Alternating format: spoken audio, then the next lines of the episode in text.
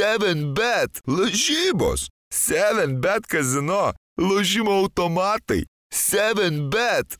Nesėkmingas lošimas gali sukelti priklausomybę. Kokios, kokios nuotaikos vyrai sugrįžus į studiją?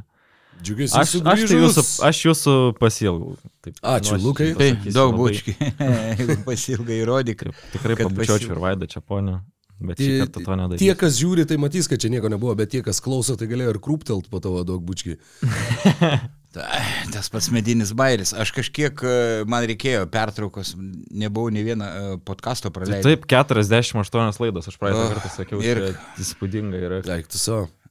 Ir kažkaip psichologiškai pavargstu nuo kartais krepšinio. Dabar daug komentavimų KMT pirmo etapo, kur vidury savaitės e, dafiga rungtynių. Tarkim, dabar važiuoju, e, kada čia, ketvirtadienį mažiekius ten į telšius. Dabar daug, daug tų ir nieko nelemiančių rungtynių, kur formalumas, nu, bet reikia važiuoti. Mm. taip galvoju, vis planuoju, kad kurią dieną iš vis nesekti rezultatų, nežiūrėti teliko, neskaityti naujienų. E, tada prasivalai, bet labai sunkiai išeina. Jep, faktiškai neįmanoma. Aš tai ne dėl, ne dėl kelionių, o dėl sveikatos priežasčių dėja turėjau praėjusią savaitę pailsėti. Bet e, lygiai tas pats, tu tiesiog, nu, tu atrodo, kad gali pailsėti nuo krepšinio, bet, nu, realiai ką tu veiki, tu žiūri krepšinį, skaitai apie krepšinį, sėki krepšinį, dar žiūrėk, jeigu naktį nesimiega, kokį NBA krepšinį įsijungi ir taip tas krepšinis ir, ir yra ašys, aplink kurią, aplink kurią sukas faktiškai visas gyvenimas. Bet jeigu nori atsišviežinti, jeigu pavyksta kartais, e, tai vėl tu pasilgsti tų podkastų, rungtinių komentavimų, bet jeigu taip varai konvejeriu, tai jau paskui žiūriu per jėgą. Gerai, kadangi matau, Vaidas Čiaponis iš tikrųjų yra labai užsiemęs žmogus, turi labai daug komentavimo, kartais net reikia ir podcastus praleisti. Aš tau pabandysiu parduoti vieną idėją, ar ne? Artėja kalėdos ir tau vis tiek labai sudėliotas grafikas, sunku kažką galvot. Aš tau siūlau ir mūsų žiūrovams siūlau apsilankyti shop.basketnews.lt. Mes visi jau ruošiamės kalėdoms, liko kažkur apie menuo. Vaikams dovanos, nežinau, savo draugams ir panašiai. Tai turim specialiai e, su krepšiniu susijusių dovanų. Tai kad ir šitas mano džemperiukas kaip jums. Jo, Jingle Hoops. Aš turbūt būčiau rašęs Jingle Balls, bet, bet Jingle Hoops irgi atrodo labai šauniai. Nebloga, kodėl aš neturiu, mano nu, išmeras nėra tokio Nu, nu, mes, dydžio. mes vis dėlto norim parduoti, neišdalinti. Tai čia gal ta, tame yra priežastis. Tai. Nu, Bet ant Čiaponio taip gražiai atrodytų, jisgi Instagramo modelis. Taip, e, nes e, man kaip gražiam žmogui bet koks rūbas tinka. O jau be rūbų, tai iš vis pasaka. O, su domo kostiumu, tai čia papuoščiau stiliaus ir žmonių viršelį. Tai va, Taip, ir be, bet kurios e, moteriškės mėgama jį. Gal ir vyriškai, jeigu simpatiškas. Ir e, turim ne tik tokį džemperį. Yra dar ir e, mandarinai sugrįžta, neprisilupki džemperis. e, Ir jie visokių spalvų yra. Tarkim, šitas yra raudonas, galima dar žalia, irgi labai gražus ir yra juodas, jeigu dar kam nors tokio irgi norisi. Mm. Bet šiaip raudoni ir, ir žaliai yra bent jau mano asmen, asmeniniai favoritai, tikrai. Paskat, jūsų džempų spalvos yra. Juoda, žalia, raudona. Tai, Čia toks, kad visiems, žinai, kad ir rytfanėm, ir žalgerio fanam būtų, kad Tai va. visi turėtų savo, savo. Ir dar sugrįžtant prie Vaido vaikų, Vaido draugų temos, tu gali padovanoti kalėdų rinkinį. Tai va, yra kalėdų rinkinukas, kurį ras- rasit mūsų šopę, į jį įeina eglutės papuošimas, e, gražus, marškinėliai su mandarinu, e, norimo dizaino džemperis, kaip jau minėjau, neprisilupkit arba jingle hoops. Neprisilupkit. Taip, neprisilupkit, ta prasme, man krepšinio kambali, k- kamolys. e, Ai, aš apie ir- kitką pagalvoju. Ir Čia ir yra mandarinas. tas, tas žodžių žaidimas. Jo, taip, jo, taip ir ten- suplanuota. Tikrai fainas džemperis. Ir BM plus 3 mėnesių narystė. Irgi labai geras benefitas, kadangi dabar labai daug turinio turim perėjusi į kas yra grinai prieinama tik BM plus. Norėčiau pliusą gal. Taip. Aš irgi, aš taip ne, negaliu paskaityti tavo interviu, pavyzdžiui, nes neturiu to pliuso. Tai Ja, tai, reiks pagalvoti apie šitą kalėdinę dovaną. minusą turim kol kas. Na. tai va. Mes BN minusai, su čia vieninteliai du BN minusai. Tai va, tai apsilankykit shop.basketnews.lt ir pasižiūrėkit, ką tenais galima gauti, gal susidomėsit kažkokią kalėdinę dovanėlę. O mes dabar einam prie krepšinio, to, ko mes čia ir susirinkom, aptarti LKL savaitę. Dešimtasis turas. Dešimtasis turas jau artėja pirmasis ratas prie pabaigos. Ir turėjom dar visokių labai įdomių rungtynių šį kartą. Visi favoritai, vieni lengviau, kiti, kiti sunkiau praslydo.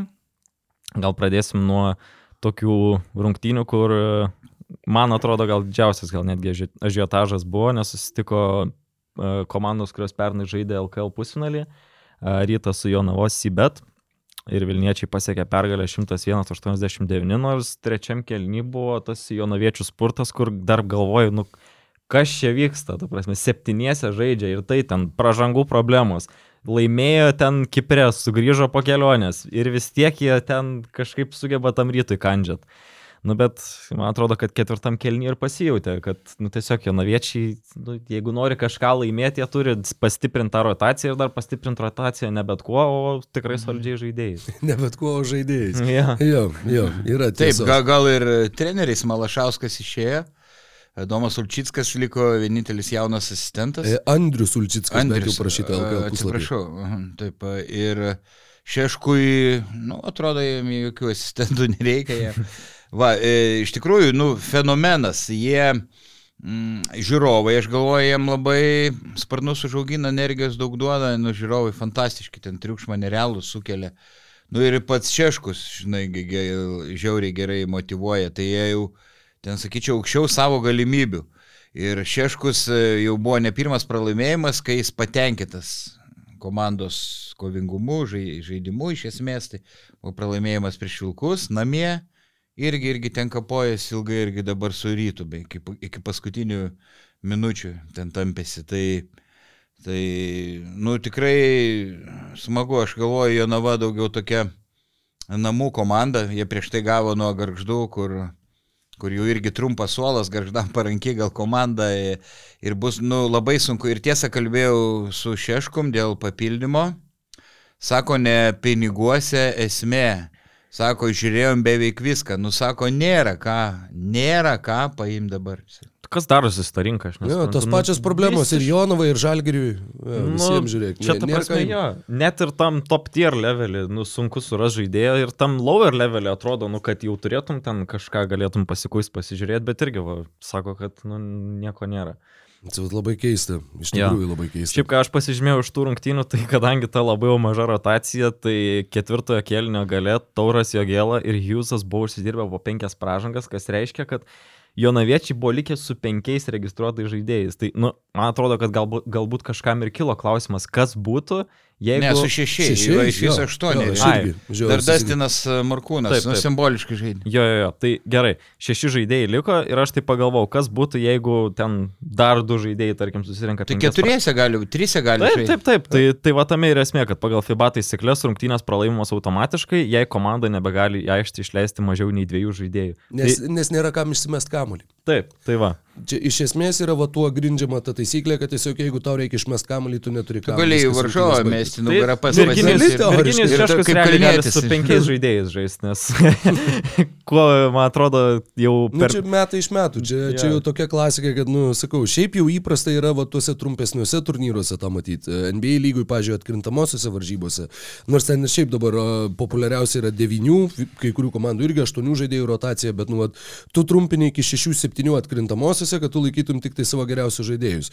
Čia šituo atveju tu tiesiog laikai savo žaidėjus, tu nelabai turi daugiau pasirinkimo, bet, nu, vat, pernai tai suveikė, pernai, vat, jie, jie nukeliavo labai toli šiais metais, nu ir vėl, žinai, nesinori kartotis, bet, nu, nie pro kur nesitikėjom. Tikrai ne vienas nesitikėjom, kad jie ir toliau žais taip respektabiliai. Aišku, tie rezultatai nėra tokie stulbinančiai pribloškintys, kokie buvo pernai sezono pradžioje, bet e, sezonas dar ilgas ir tuo pačiu, žinai, jeigu jau Michaelas Hughesas gali sumesti 3 iš 3 tritaškių e, prieš tai sezonę nepataikęs nei vieno, tai turbūt ir daugiau jie dar tų Ir dar jie turi rezervų. kozirių turi. jo. Jie dar turi rezervų, pavyzdžiui, Edvino Šeškaus baudos, nu čia sunku paaiškinti. 5 iš 14 baudų, 35 procentai, prieš rytą prametė abi. Nu, jeigu taip ir toliau, tai aš galvoju, kad matysim kažką kaip Šakilas Vanilas buvo Hekašek naudojama. Ir e, Heka trupu- Šešk?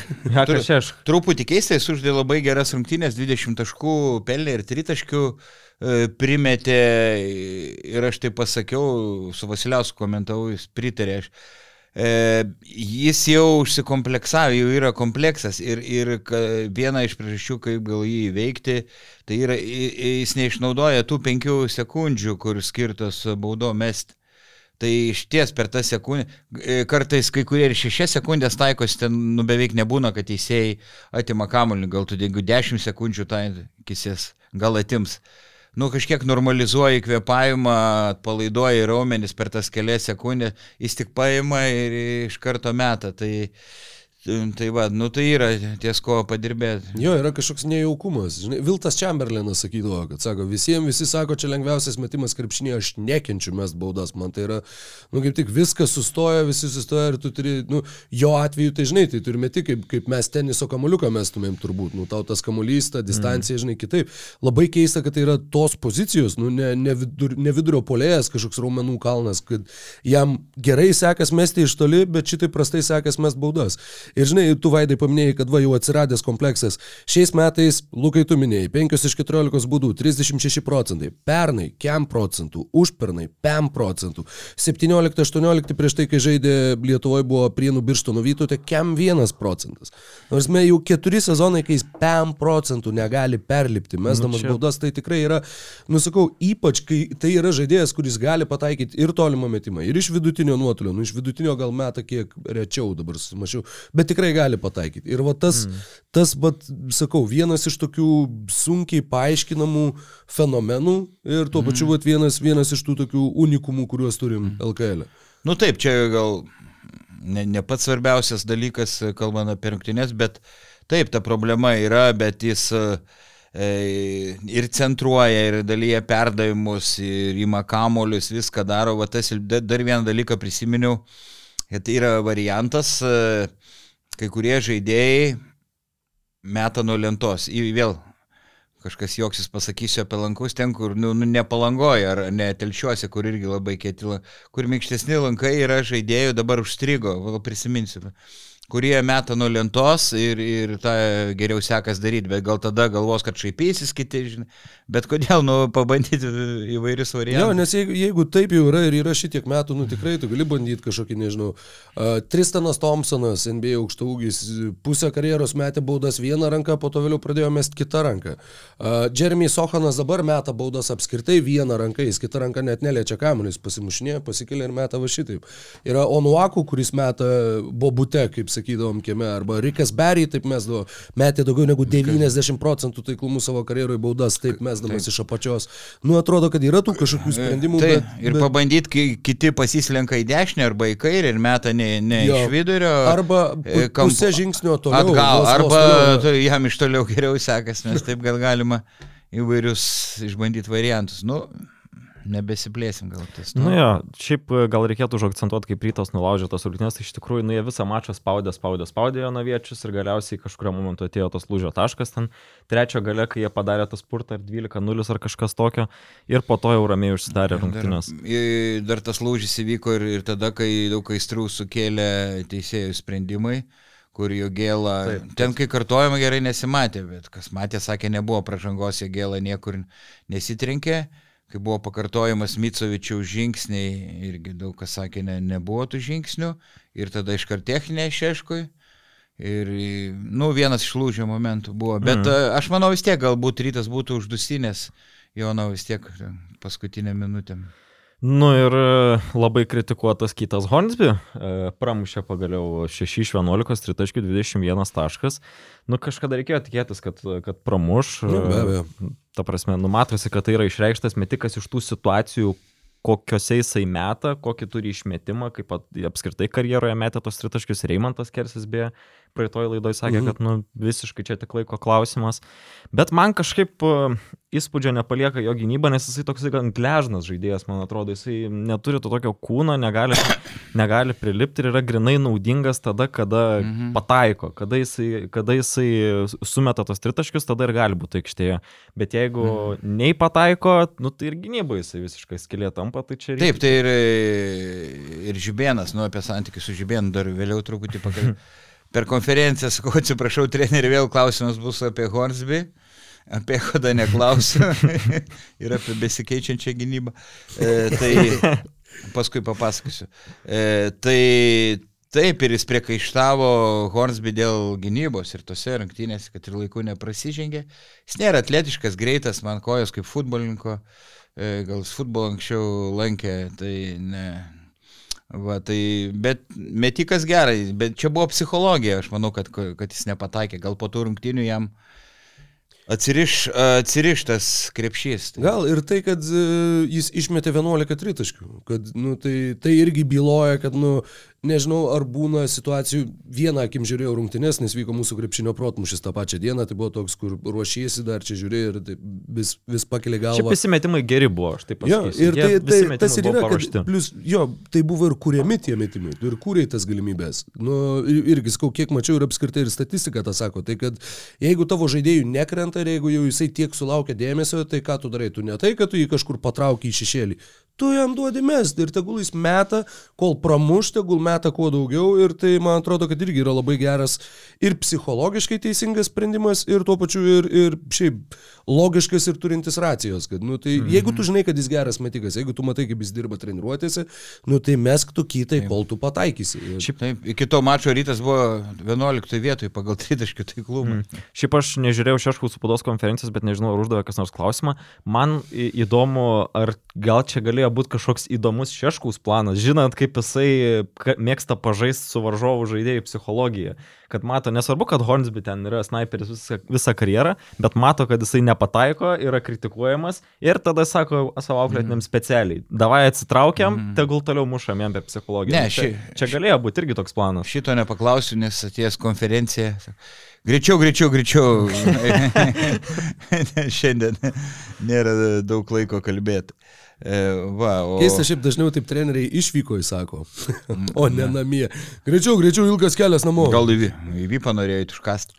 Nu, tai, turbūt tai išalko. Vaidai, kas, kas yra tarp tavęs ir Gedrių Žibėno? Kas, kas, kodėl tu ne, dabar dėl to stepai? Ai, tai gal, e, gal priminsiu, ne, ne, ne visi žino. E, komentavau rytą su kuo ten. Jis žaidė su Neptūnu, čia per Matso pagerbimą, taip? Taip, ir aš e, nejau į konferenciją, nes uh, Studija, atrodo, buvau. Taip. Jo. Buvau studijai po rungtynių, bet po to kolegos papasakoja, kad, kad aš komentuoju visada neblaivus. tai, tai aš kartą gal pasakyti, treneris neteisus, nes esu nekart sakęs, kad ne, ne tai, kad neblaivus, gatavas ir trūkęs komentuoja.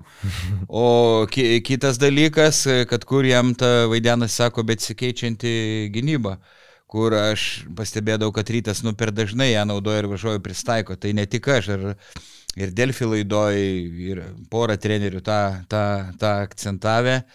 Tai e, buvo labai supykęs, buvo labai supykęs, o Jonavoje kažkaip susitaikėm, jisai gal irgi toks emocingas baigėsi konferencija ir jis tokį bairį metė, nu ką vaidai apie besikinčią gynybą, ne, nepaklausy. Oi, sakau, operatoriui, įjung kamerą, dar reikia vieną, vieną klausimą užduoti. Na, po to, po to pasikalbėjom, viskas pa, pasijokėm, bet supranti, aš jeigu būčiau žibėno vietoj, nu tai gailai, kažkokia ten storas ačkarikas aiškina, lasdavoja, nervus gadina, rytas pralošęs prieš patrus, prieš dižoną, čia e, problemų, tai aš irgi gal kažką pavaryčiau, žinai, atgal. Mm. Bet e, nuo to tik įdomiau, va tokie konfliktėliai, bairiukai kažkokie, tik daugiau suteikia, žinai, spalvų tam, tam LKL-ui ir, ir, ir faina, žinai, tegu ten daugiau tokių atvejų buvo. Tai va, tai su, susitaikėm, bet turbūt iki kitų rungtynių nelgiau. Na, aš irgi kažkaip jautri nesureagavau į tą pasakymą, kad uh, žurnalistų klausimai standartiški, dėl to ir trenerių atsakymai standartiški. Man atrodo, kad čia yra natūrali reakcija kartu ir iš to, kad, nu, Gedrius Žibėnas yra vienas iš tų Lietuvos trenerių, kuris turi vienas daugiausiai daugiausiai su tose konferencijose dalyvaujančių. daugiausiai, aišku, Kazys Maksytis, ten daugiau už visus kitus 3-4 kartais ir išklausinėjimas ir tų pačių klausimų klausinėjimas, bet kartu nu, reikia ir sutikti, kad kartais, e, nu, Jo, tai yra, be, beje, visa ta replika buvo ir po to, kai mes čia sėdėjom ir kai aš irgi kažkaip tai suformulavau, kad nu maždaug, kad vat, e, mes kalbėjom apie tai, kad kaip, kaip gerai sutarė Žibėnas su Maksvyčiu ir kad tas iš, išėjo iš sakinio, kad, nu, va, ten prieš šimtinės, kai reikia pakalbinti, kai, kai, žinai, treneris žino, ko tu klausi, tu žinai, ko treneris atsakys. Tai aš, kai išgirdau šitą visą, man buvo ir toks, kur gal čia, gal, gal ir nuo to čia, taip sakant, aidai nuėjo, bet, nu, iš tikrųjų, tie visi pasišnekėjimai prieš šimtinės, nu, ko tu gali tenai ypatingo paklausti. Jo labiau, kai tu tą darai ne pirmus metus, nu tu jau esi tą patį, tuos pačius sakinius formulavęs, performulavęs iš naujo. Kas bus svarbiausia šitose rungtynėse, kokiais ginklais bandysite stabdyti varžovus, kas varžovų žaidime yra ten svarbia. Tai, nu, tai yra vis tiek daugmaž tas pats per tą patį ir, ir nu, tiesiog taip yra. Ir, ir aš atsimenu, kad JAV kažkuris... Mm, kažkuriam net ne sporto, apskritai tiesiog ar dienraštėje, ar internetinėje svetainėje buvo apklausa apie pačius beprasmiškiausius dalykus pasaulyje. Mhm. Kad buvo tiesiog plačiai iš visko, visko, kas yra gyvenime. Tai pirmą vietą žmonės skyrė pokalbėm va šitiem prieš rungtynės. Kai šneka kas nors prieš rungtynės ir pasako, kad, nu, svarbiausia bus laimėti ir taip toliau. Mm. Nes, nu, nu, iš tikrųjų, tai nėra kažkas, kur kažkas labai ypatingo gali būti pasakyta. Ar yra kas nors, kada nors kažkokią antraštę pažiūrėjo, wow, prieš rungtynės pareiškė, kad Nu ne, niekas, niekad. Tai tiesiog yra toks ritualas, kurį mes turim atlikti, kad ir žiūrovas va, vėl pamatytų tą trenerį, vėl atsimintų. Nu bet ten nėra niekada jokios kažkokios ekstra vertingos informacijos ar kažko labai stulbinančiai įdomaus. Mm. Tai žinai, tai tas toks irgi ne, nesinori, kad tai skambėtų kaip kažkokia nepagarba, bet tai, nu, tiesiog tokia yra ta realybė. Taip, taip. Ir sakau, nu, aš tai nedramatizuoju, man pačiam linksmiau, vad, kai Ne, nu, tai Visi įpratę, oi čia treneris įžeidė žurnalistus, kaip čia tai, nu man nuo to...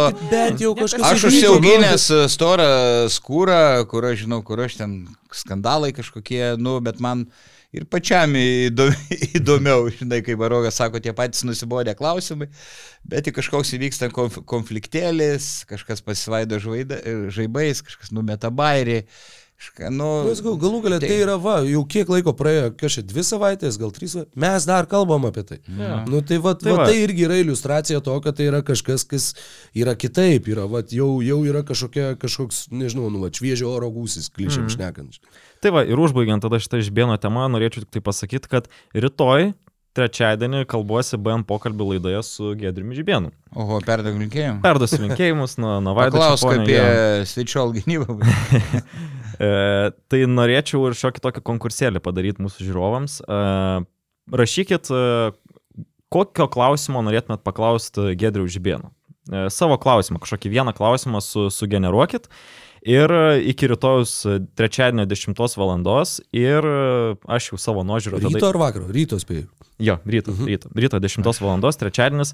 E, ir tam geriausio klausimo autoriui, atsižvelgiant į laikus, nu, kad šiek tiek ir pats įsitraukčiau, išsirinkčiau tą klausimą ir pasižiūrėt, ko, ko galbūt žmonės nori, kad paklausčiau. Mhm. Išrinksiu vieną klausimą ir jo autoriui atiteks e, Basket News jumperis iš mūsų ešo. O, nu va, prašau. Ar... Tai va, tai va. Juodas, žalias arba raudonas spėjau. E, gali, gali ir tai būti. Taip, visiškai jūsų, jūsų valiai bus pasirinkimas. O, į galvą šojo klausimas, ar, ar, ar kelia savo tikslą treniruoti žalgį. Tai va, užduo, užduosi, galėsi užduoti YouTube komentaruose. Arba Lietuvos rinktinė. Taip, tai už, e, užduokit žiūrovai klausimus YouTube komentaruose, labai lauksiu ir rytoj prieš pat laidą pasižiūrėsiu, kuris iš jų buvo geriausias ir tikrai, tikrai paklausiu trenerio ir po to BM pokalbį laidoje išgirsit, ar, ar tapot tuo nugalėtoju. Tai. Gerai, ir užbaigiant šią žibėno temą, pereinam prie kitų rungtynių. Aš dar tik tai vieną dalyką norėjau pasakyti, tu paminėjai tą heką šešką. Okay. Ir aš susimašiau, kad, nu žinai, su, su dabartiniu taisyklių vertinimu, taisyklių traktavimu FIBA labai sunku yra tas specialiai pražangas prie žaidėją, sakykime, atlikti, kad tau nebūtų fiksuojamos nesportinės pražangos. Bet būtų labai įdomu pamatyti ir galvoju, vat, kurie treneriai savo leistų va, tokį nestandartinį įmą, tai aš bijau, kad labiausiai tikėtina, jog tai ir būtų Virginijus Šeškus. tai jisai tokį vaizdu, kad nedarys prieš savo paties komandos žaidėją. Bet tai va irgi būtų vienas iš tų dalykų, kur nu, va, būtų kažkas, apie ką mes kalbėtumėm dar porą savaičių. Taip, taip, tikrai. Gerai, perinam toliau prie pasvalio ir vilkų. Vilkai pasėmė tikrai sunkoką pergalę, vos neprisižaidė pabaigoje, 91-88. Beje, vienintelės rungtynės, kurios šiam turėjo baigėsi vienženklių skirtumų. Visos kitos baigėsi vidutiniškai plus 18, nu arba minus 18. Šitos vienintelės buvo iki, iki pat pabaigos. Na, bet kartu turbūt reikia ir paminėti, kad Vilkai atvyko turbūt labiausiai nukraujavę iš visų tų, nors, nu, okei, okay, Lietkabelis ir Wolfs turėjo labai daug netekčių prieš rungtynės. Vilk, pas Vilkus nežaidė Kariniauskas, Žukauskas, Tayloras ir um, Sulaimonas. Nu, bet vis tiek kažkaip nuo iki tos pabaigos išsikrapštė tą pergalę. Šiaip aš galiu pasakyti, kad mane nuvelniškai stebina Brendonas Stebas, nes nu, mm -hmm. tie jo metimai, nu, atrodo, nu, ką tu čia darai, ką, ką, ką, ką tu čia mėtai. Jis, ži- žinai, kas taip mėtydavo? Lamelo bolas. Iš prienuose žaisdamas. Tik, kad jis Jo. nepataikydavo. Ne, tabas tik aukščiau kamuolį laiko iš Ja, minį pačią, pa, pačią metimų selekciją. Ta tokia, kur Ai, gavau tai- kamuolį, ep, metras nuo tritaškio, e, metu. Ir, bet sakau, šitas, šitas pataiko. Ir kas dar labiausiai stebina, kad tu vaidai sakai, kad Aurimas Jesilionis yra griežčiausias LKL treneris ir Tai reikia va, va, pasakyti. pasakys, pasakys. Tai kaip jisai turėtų jaustis matydamas tos tebo metimus? Nu, aišku, tebas pataiko, bet kada pradės nepataikyt klausimas. Nes dabar tokia statistika yra, kad jisai yra sužaidęs septynias rungtynes ir iš viso šį sezoną išmetė 76 tritaškius. Kai antroji vietoje esantis Gedvinas Orelikas per devynias rungtynes išmetė 61. Tai įsivaizduoju, koks šis skirtumas, kai netgi antroje vietoje esantis žmogus Ten mažiau negu 7 per rungtynės, ten beveik 11. Nu tai va, ir e, pataikė 35, Orelikas 23 ir Tebas pataiko po minimum 3 tritaškius per rungtynes. Minimum ar vidutiniškai? Minimum 3 tritaškius. Ir Atsiprašau. procentų. Taip. Ir meta gerų procentų. Tai, nu, kažkurio momentu jisai turi pradėti nepataikyti ir kaip Jasilionis tada elgsis. Nu, tai kaip elgsis. e, Geras. Lieps to, to, toliau mest, ar, nu, aš manau, kad e, aš, aš kalbėjau su Jesilioniu, tikrai gerai dirba, nenoriu kritikuoti, esą man dar pavaišino pasvalio alumi nealkoholiniu. Tai e, nieko blogo apie pasaulį e, negaliu pasakyti. E, Va, ką e, jie sakė, Jesilionis apie legionierius, kad jis griežtas, e, piktas, bet sako, net ir būnu bejėgis, kaip KMT rungtynėse, kažkokia jokios motivacijos. Aš komentavau palangoj, dabar jie žaidė su nevėžiu, tebas vieną tašką pelnė ir pasi, pasivaikščiojo parke visas rungtynės, netėjo galim. Vieną, tai, tai sakė, išbandžiau, sako, rėksi, šauksi, kliksi, sako, jeigu jie nenorės ir nežais. Ir, ir KMT jie tą ir, Hmm. tą ir daro. Man, man bet- atrodo, jisai penkias pražangas susirinko per 20 minučių jo. Ne, bet jisai, nu, ne, aš komentavau, jis vaikščiojo, nei, nei Aha. stengi, nei polime, nei Jo. gynyboje. Tai... Šiaip sutinku, skersis irgi buvo kažkiek tą palietęs, kad, nu, kamata rungtynės šiek tiek yra nueinančios į antrą planą. Matai, labai daug, sunku sugalvoti sistemą, labai dabar daug nebereikalingų rungtynių, kur arba komanda užtikrino pirmą vietą, šiauliam, tos dviejas pas, po keturių turų užtikrino, e, dabar ne, Neptūnas, e, ne, užsitikrino ir... Ir kai- Utena žais kurio- prieš Kedainius. Tai pa- pasvalys daržai su šiauliais, kur irgi labai daug nelemenčių, absoliučiai Kedainiais rungtynių. Kažkaip pagalvot, matai, penkios komandos žaidžia Europoje ir labai sunku jos penkios prisijungti. Anksčiau buvo sistema, kad ir grupėse tre, trečios vietos, kurios užima komandos, žaidžia pereinamasis. O dabar tik tai pereinamasis žaidžia, kurios antras vie- vietas užima. Tai čia tokia problemėlė ir gal pagalvot, gal galima kitą sezoną kažkaip išspręs. Bet mes nutolom nuo pasvalio, aš jau sakiau, kad jie, nu, idealiai pasikomplektavo pagal biudžetą ir e, legionierių pasirinkimą, tik kol kas Bakeris gal vos vienas rungtynės sužaidė gerai, Nu, dabar ir- traumuota. ir Deante Johnsono dar paminėčiau, kad šiek tiek nuvilė. Nu, bet gal dar jis. Ne, nu, bet pa, palyginti jie ten ne, nebrangus yra ir, ir tikrai šį kartą sukomplektavo tikrai Mhm. puikiai, sakyčiau. Bet tai yra daugiau, nu, tikrai polimo, poli, į polimo orientuota komanda. O jo. E, Ir tikrai gali pakovoti dėl aštuntuko, ne, nebejoju. Kalbant apie skaičius, e, paminėjot e, Brandoną Tebą, e, čia tiesa yra karjeros vidurkiai išmestų tritaškių LKL, tai buvo 25 žaidėjai, kurie metė bent po 6 tritaškius per rungtynės, per visą istoriją. Mm. Tai Sterlingas Gipsas tarp jų yra, yra keletas labai trumpai žaidusių krepšininkų po penketą, trejetą rungtynių visokie Džošai Akonionai, uh, Krisas Loftonas taip pat trumpai žaidęs Neptūne. Įspūdingesni skaičiai yra E, Giedrius e, Pečiulionis mesdavo po beveik 7 tritaškius per rungtynės, jis žaidė ne 5, ne ką, jis žaidė 302 rungtynės ir išmetė daugiau negu 2000 tritaškių karjerai. Mm. Uh, Linas Kvedaravičius mesdavo po 7,2 per rungtynės, mm. tai yra šeštas aukščiausias skaičius.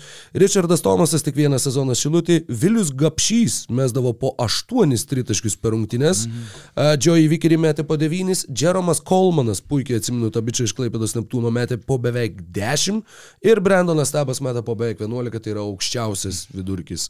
Nu, žinoma, skaičiuojant karjerą, nėra atskirų sezonų vidurkių, bet tikrai tikiu, kad niekas ir atskiram sezone Mhm. nemetė bent po beveik 11 tritaškių per rungtynės. Šiaip kalbant apie Jesilionį, aš šiaip nenustepčiau, kad e, pasaulio pieno žvaigždės būtų dar geresnės formos, kai jau artės, e, nu, koks kovas, balandis, nes aš taip įsivaizduoju, kad Taurimas Jesilionis iš tikrųjų yra labai daug išmokęs iš Rimo Kurtinaičio, nes yra daug dirbęs su juo. Mm.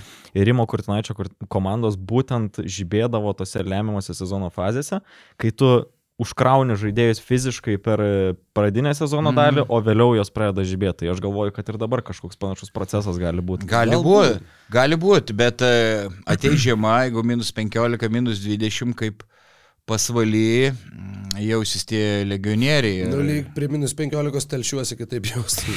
Tarsi, nu, nu, Ne, nu, yra- didesnis, daugiau pramogų yra. Nu, turbūt, aš nežinau, bet...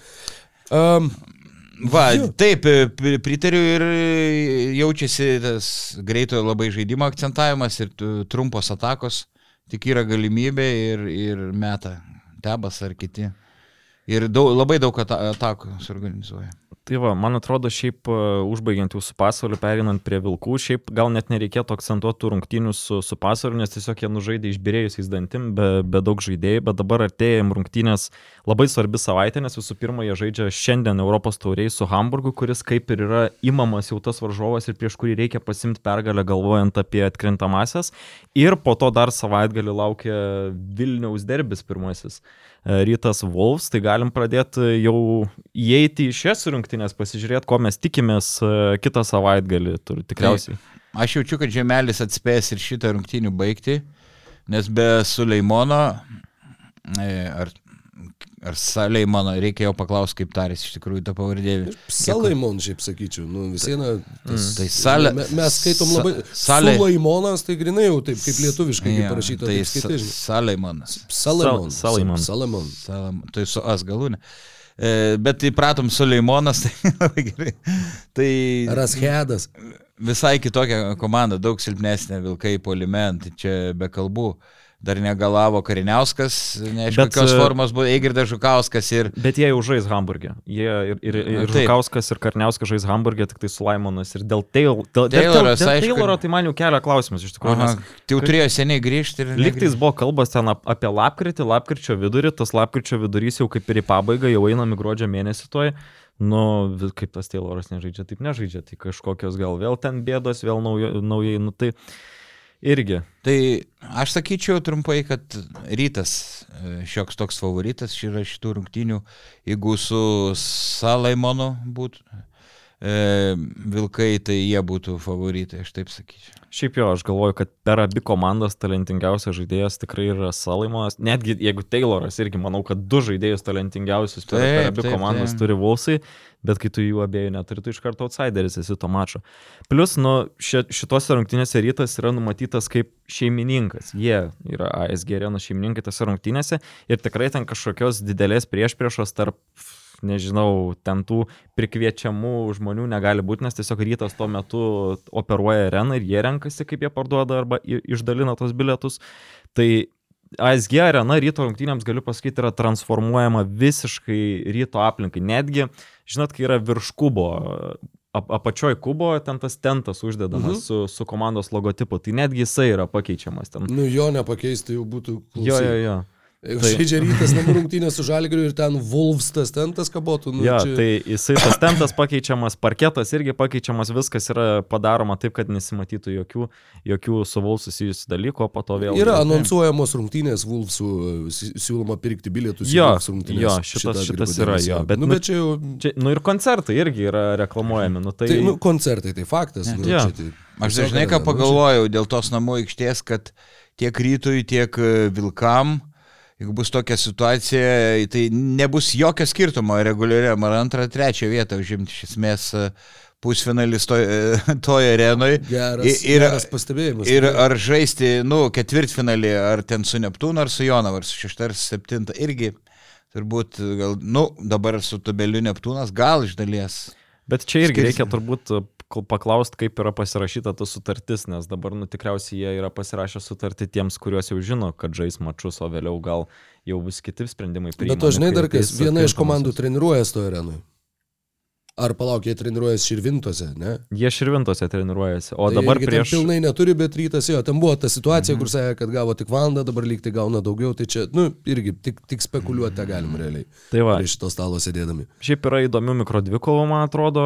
Aš išsiskyriau gal tokią, kad į žaidėjų, man atrodo, bus e, įdomus challenge'as. Tai Kaulas prie Žemaitį. Abu žaidžia gerus sezonus. E, Žemaitis žymiai aukštesnis, e, gal turi savo pliusų kažkur daugiau gynyboje, bet Kaulas greitesnis, galbūt labiau sutvertas tam ryto žaidimui, polimui greitam. Tai e, žiūrėsim, kuris kurį, nes abu žaidžia iš ties fantastiškus sezonus. Taip pat du Nu, žyba. Kaulas, nežinau, ar fantastiškai jau tokį sezoną. Nu jo, jo, jo. Mhm. Per, per Gerą, sakykime. Jo. Gerą. Ir du žybantis poliai, Turmanas irgi, kur po pirmo sezono mačo sakiau, kad čia, ką, ką čia nusipirko Vilkai, bet po to kaip šovė, kokias turėjo rungtynės su Bešiktašu, kaip dar kitų rungtynių mm. su Venecija dabar irgi solidžiai atrodė, tai Turmanas prieš Gorhemą. Du poliai, kurie iš esmės labai panašių funkcijų yra, kur prisideda savo energiją, savo atletiškumu, abu du gali trečioje, ketvirtoje mm. pozicijoje žaisti. Tai va čia irgi toksai įdomus. Nu, jo, bet sakyčiau, kad Goramas galbūt labiau, uh, nu kaip čia pasakyti, neįžeidžiant Armano, bet labiau komandos žaidėjas.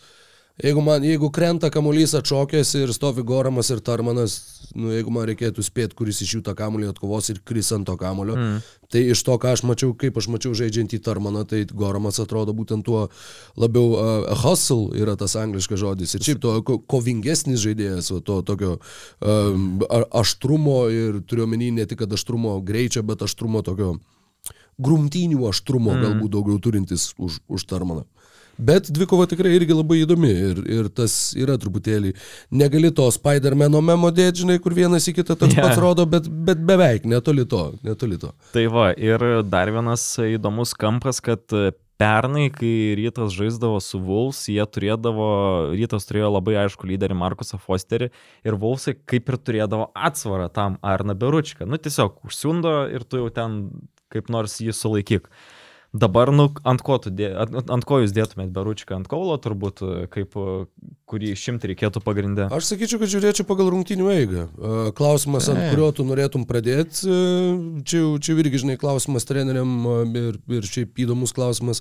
Bet iš esmės, tai manau, kad jo, aš, aš jį naudočiau kaip tą žmogų, kurį jeigu matai, kad, uf, žiūrėk, Margeris gerai pradėjo. Margerį. Mm. Jeigu pradeda kaulas gerai, tada kaulas. Nu, ir rungtynių metu irgi. Na taip, jeigu, jeigu reikia, tai keisti. Individualiai stipraus kaip Fosterio. Tai dar vienas aspektas, ko komandos skiriasi, kad rytas, na, turi panašų kaip Gagičius pleikiai, bet kaip Žibėnas ir man konferencijoje sakė, iš vis jo navojo neišleido, nors man atrodė su Hughesu tikrai Hughesas ten apstumdė tuos e, kudesnius ryto aukšt, aukštaūgius. Bet Žibėnas sako, nu, jaunas žaidėjas, jam reikia išlaukti, bus rungtynių, kur jisai žais. Tai čia tikėtina gal irgi nežais, tai Gagičių polime gali išnaudoti Meškiną Vilkai, bet jam sunkiau bus gynyboje. Nu, tikrai lėtas, mm. sustepautų, lietai grįžta, o gal šį kartą ir, ir pleikimės, bet pleikys ūgių gerokai nusileidžia, nusileidžia Gagičių. Alejų pusę hodui. Kabinčiau, jeigu žaisčiau su joysticku šitose rungtynėse už Vilnius rytą, pick and rollas kabinė Alejų paechodui. Ir Gagičius tiesiog uh, gaudytų kvapą, teoriškai bent jau. Nu, aišku, viskas nėra taip paprasta, kaip, kaip, kad, kaip, kaip pasakai, bet... Ne, tai E, Gagičių ginsis tą pasivę drop gynybą, jis iš baudos aikštelės ne, nekils, tai toli jau būtent sudėtinga bus gal. Šiaip pat įdomu, kaip laviruos Kemzūras tais centrais, nes pavyzdžiui, nu, jie turi žmogų, kuris gali solidžiai stovėti perimetre gynybai, tai Mekovulu, bet jisai labai gali prisijungti greitai pražangų ir nuo to jau tada kenties komanda. Nes tu turėsi leisti Gagičių. Aš nežinau, ar, ar Vulfsai turi tokį žmogų, kuris galėtų per ketvirtą, penktą poziciją žaisti. Nu, Turmanas šiek tiek per kūdas tam atrodo. Jo, labiau trečias, ketvirtas. Jo, sakyčiau. jo, tai... Tas pats Mekovulų jau toks, nu, kaip ir 4-5, Nu. 4,5. Nu taip. Jo, bet jisai visiškai, visiškai nepataiko iš toli, tai tame bėda. Dar vieną ginklą turi vilkai, kur gali išnaudoti kažkokio kariniausko centravimą. E, Jo. prieš, prieš jį ginsis e, žemesni. Plius Kariniauskas prieš buvusią komandą, kurioje jam nelabai ypatingai susiklostė sezonas. Tai- Tai... Nors, palauk, jis tapo čempionu, ne? Jis tapo Jo. čempionu. Taip, tai atsiprašau, tuomet jeigu tu tapai čempionu. to vadinti prastų sezonų niekada negali. Tai, tai tikrai, tikrai tą bandys naudoti vilkai. Čia be bejonės. Ir, ir ten reikės dvigubinti, nes kariniauskas nugarai krepšį puikiai žaidžia. Ostinas Ryfsas. Tas vis pat, jo, tą patį norėjau patyrę savo Man tikrai, kailį. nu, bet visam gyvenimui, nusakyk tu, ką nori. Ir Ta pergalė buvo tokia, kur, nu, vat, va, kodėl laimėjo, kodėl čia nepasirinko italų, nu, blemba, nu, jo, nu gerai, gal ten būtumėm toliau nuėję. Aišku, medaliai būtų buvę smagu, bet, nu, tos 110-104, nu, visos tos rungtynės tiesiog, va, va, kiek laiko atsimenam ir kiek laiko vis dar bus toks. Mm, 32-13 atrodo buvo rezultatas. Tai, Nu, nukrypom. kiek, 9 iš 9 tritaškių pradžioje, ar 8 iš Tai netgi dabar, kai žaidė Kingsai su Lakeriais, e, turėjo Sabonis tą tokį dėjimą su kontaktu Ryfso iš šono. Tai netgi padarė mūsų basketiniusai koležą, kur, žinai, lietuvių pamokos tęsiasi, kad maždaug kariniauskas. Na, žinai, ką galėjo. Domas padaryti tada po tokio iškišlė žuvį. O, būtų, būtų visiškai tobulą. Uh, beje, kalbėjom apie Jeffrey Taylorą, uh, buvo rašyta, jog jam atlikta operacija, jisai uh, laukia trijų savaičių reabilitaciją ir tikimės, kad po mėnesio jis bus pasiruošęs žaisti. Jie sakė rugsėjo 26 dieną. Tai, Tai, tai, nu. tai jau praėjo du mėnesiai. Faktiškai mes dar kol kas, nu aš nežinau, žinai, irgi nežinom, galbūt jis ten, jis, jis gal jau čia be penkių minučių aikšteliai, bet ir pernai jisai viso sužaidė už Wolves 14 rungtynių. Tai mm. jau šiam sezonui yra sužaistos 10 vien tik tai LKL, tai tu pernai viso sužaidė 14, nu žodžiu, tas skaičius, kiek iš galimų rungtynių tu esi sužaidęs, jau tampa vis, vis labiau keliančių nerimą. Bet tai, kad netgi nėra kažkokių ženklų, kad jis būtų arti sugrįžimo. Pavyzdžiui, ką Gedrius Bienas darydavo, tai jisai, nu jau, nežinau, nuo kokio penkto, ketvirto LKL turo pradėdavo registruoti Martyną Ehodą, nors ir žinodavo, kad jisai yra nepasiruošęs, bet tai yra tarsi signalas, kad jisai jau yra registruojamas rungtynėms ir kad jisai artėja prie to sugrįžimo. Ateini į pasikalbinimą irgi, matai, kad ten Martynas Ehodas su varžybinė apranga dirba kažkokių specifinių dalykų, Gytis Radzevičius irgi daro prasibėgimus kažkokius, aišku, galbūt nesportuoja su komanda tenais kažką, bet tiesiog bėgioja, galbūt kažkiek palaiko formą. O aš ateinu į, į Wolves e, pasikalbinimą Kesučio Kemzūros ir matau, kad Jeffrey Tayloras nei ten jisai apsirengęs, jisai ateina kaip Kinanas Evansas, maždaug e, kai buvo nusiplėšęs Mhm. Achilą, atvažiuoja su komanda, prieš komandos apšilimą pamėto, ten jam Paulius Jankūnas pamėto kamuolį ir po to 20 minučių pamėtęs išeina kažkur. Tai panašiai ir su Tayloru, kad maždaug ateina, pamėto ir eina toliau. Tai va. Jo, jo, tai vad, e, numatysim, kada, kada jisai grįž. Žinoma, ir apskritai iki Salaimono traumos, beje, Wolves, nu, vat, ir ypač žiūrint tas rungtynės su Žalgiriu, buvo toks, kur žiūrėjai ir suvokiai, kad, nu, jeigu finalai vyktų lapkričio gale, mhm. tai dar klasės, nu, apskritai visos atkrintamosios ir iki pat galo, iki finalų, nu, jie atrodė pakankamai realiai galintys ir finale kovot, va dar ir potencialiai gal net laimėti. Ir tada dar buvo ta mintis, kad, ha, jie dar turi Taylorą, kuris grįž. Dabar aišku, dar iškrito Salaimonas, dar buvo tos rungtynės su visais kitais traumuotais krepšininkais, bet, mm. nu, šiaip tai, šiaip laukia labai įdomios atkrintamosios vienai par kitaip ir, ir Wolves ten bus vienas iš, iš įdomių Taip. dalyvių. Taip, kai prognozes darėm, tai aš kart prognozavau, kad Vilkai finale bus su Žalgiriu. Aišku, tos prognozės čia vaikų žaidimai, bet prieš sezoną, taip, sakiau, gali. Taip, taip, ne, ne, įrašą. mes nesiginčiam. Aš nesutinku. Nesutinki, tai, tai, tai išeik tada. Gerai. Nesutinku, Aidai. Žygiuojam toliau. Žinai, kalbėjom apie va, tą Martino Echodo registravimą rungtynėms ir kur jau atrodo, kad va, jisai tuoj grįž, tuoj grįž. Uh, tą patį padarė Panevežė 7bet Lietkabelis su Doviu Bičkauskiu. Uh, rungtynėse su Mažiekiu Ambasket Delamaut Bičkauskis buvo registruotas pirmą kartą šiame sezone. Uh, rungtynių metu Gedrius Vaitkevičius komentatorius sakė, jog kalbėjo su Lietkabelio atstovais ir sužinojo, kad jis galbūt šiandien nežais, bet jau artėja prie savo sugrįžimo į aikštę. Tai vad bus bėda, jie Sabetskio žada atsisakyti, nors Sabetskis dabar įs- įsivažiuoja. Būtent dabar geriausias. Gal suras papildomų pinigų, gal Čianakas norės įsivaizduok. E, Jeigu dar Valinskas į Turkiją išvažiuotų, tai jie liekas vėl su vienu iš žaidėjų, šį kartą Bičkausku, kuriam dar daug e, laiko tikrai nemažai, kol įgaus formą. Ir Sabetskio pranašumas tas, kad jisai yra daug aukštesnis, jo, jo ūgis e, irgi gali neblogai gintis, e, aš manau. Nu, Šiaip toks Radičevičius, Peno, Sabetskis, čia yra tokie, nu, atrodo, jo, jo. kad Ča- Čanako profilio įžaidėjai. Čianakiški. Jo, ir, žinai, mano manimu, jeigu Valinskas išvažiuoja į Turkiją, jie turi pasilikti Sabetskį. Jeigu Valinskas lieka, tuomet jie turbūt Sabetskio nepasiliks. Tai labai labai viskas priklauso nuo šito sprendimo e, ir tuo pačiu, nu, tau reikia jau iki galo išsiaiškinti, ar jisai lieka pas tave iki sezono galo, ar ne, prieš priimant galutinį sprendimą su Sabetskiu. E, Pats Sabetskis prieš mėnesį faktiškai sakė su tavim, beje, kalbėdamas interviu, kad e, kai baigsis tas laikinas kontraktas, jo pirmas žvilgsnis bus į užsienį ir jeigu nieko neišeis rasti užsienyje, tuomet jisai jau ieškos pasiūlymų variantų Lietuvoje. Lietuvoje yra kam uh, į, į jį uh, kreipti savo žvilgsnį. Tai daug- Jo- daug kas Jonava norėtų, bet- labai jo, jo gidomėjosi, kiek teko girdėti uh, Bet ar tarp pinigų? sezono metu. Kas domėjasi? Jonava, Taip. ne? Bet ar turės tiek pinigų, kiek jis norės ki- kitos komandos? Klausimas. Na, Lietuvoj. matai, Jonava jau sutaupė algas už rugsėjį, spalį ir lapkritį. E, bet jo, tiem patiems šiauliam įžaidėjas nepakenktų a, kėdainėm įsinešti sveiko proto, bet turbūt, kad tai ne kėdainių visgi finansinių um, galimybių žaidėjas. Bet yra, sakykime, tų, tų vietų, kur būtų įmanoma įsivaizduoti Donatą Sabetskį ir tuo pačiu vat, labai geras pastebėjimas dėl tos galimos gynėjų visos rokiruotės ir, ir visų pokyčių pakeitimų ir dar vienas klaustukas panevežiečiams. Mm.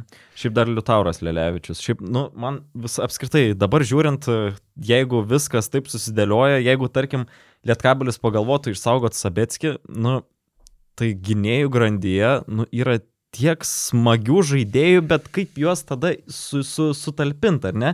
Nes tu kaip ir tada, jeigu turi du žaidėjus, Bičkauskį ir, ir um, Sabetskį, tai tada yra antri numeriai. Nu, antri numeriai, tu turi Valinską, turi... Uh, Sirvydį? Sirvidį ir dar Lelevičių, kuris ką tik sužaidė labai smagias rungtynės su 20 naudingumo balų, kas vėlgi kalba, kad ne, Daščianakas nu, moka mm. iš to jaunimo kažką išspausti. Rupštavičius, Kalaitsakis, Taip, Tauras. Lelevičius atrodo kaip tiesiog, a, nu, va, tokia pro progresija logiška. Ir po to, nu, tu realiai galėtum pagalvoti, nu gerai, Sirvidį dar galėčiau stumti trečią poziciją, bet trečioje pozicijoje yra Liutenis Lipkevičius. Ir Nu, Martynas Varnas. Ir Martinas žaidžia Varnas dar yra. Nu, tu tada galvoji, žinai, kaip čia dabar juos Mhm. išdėliot.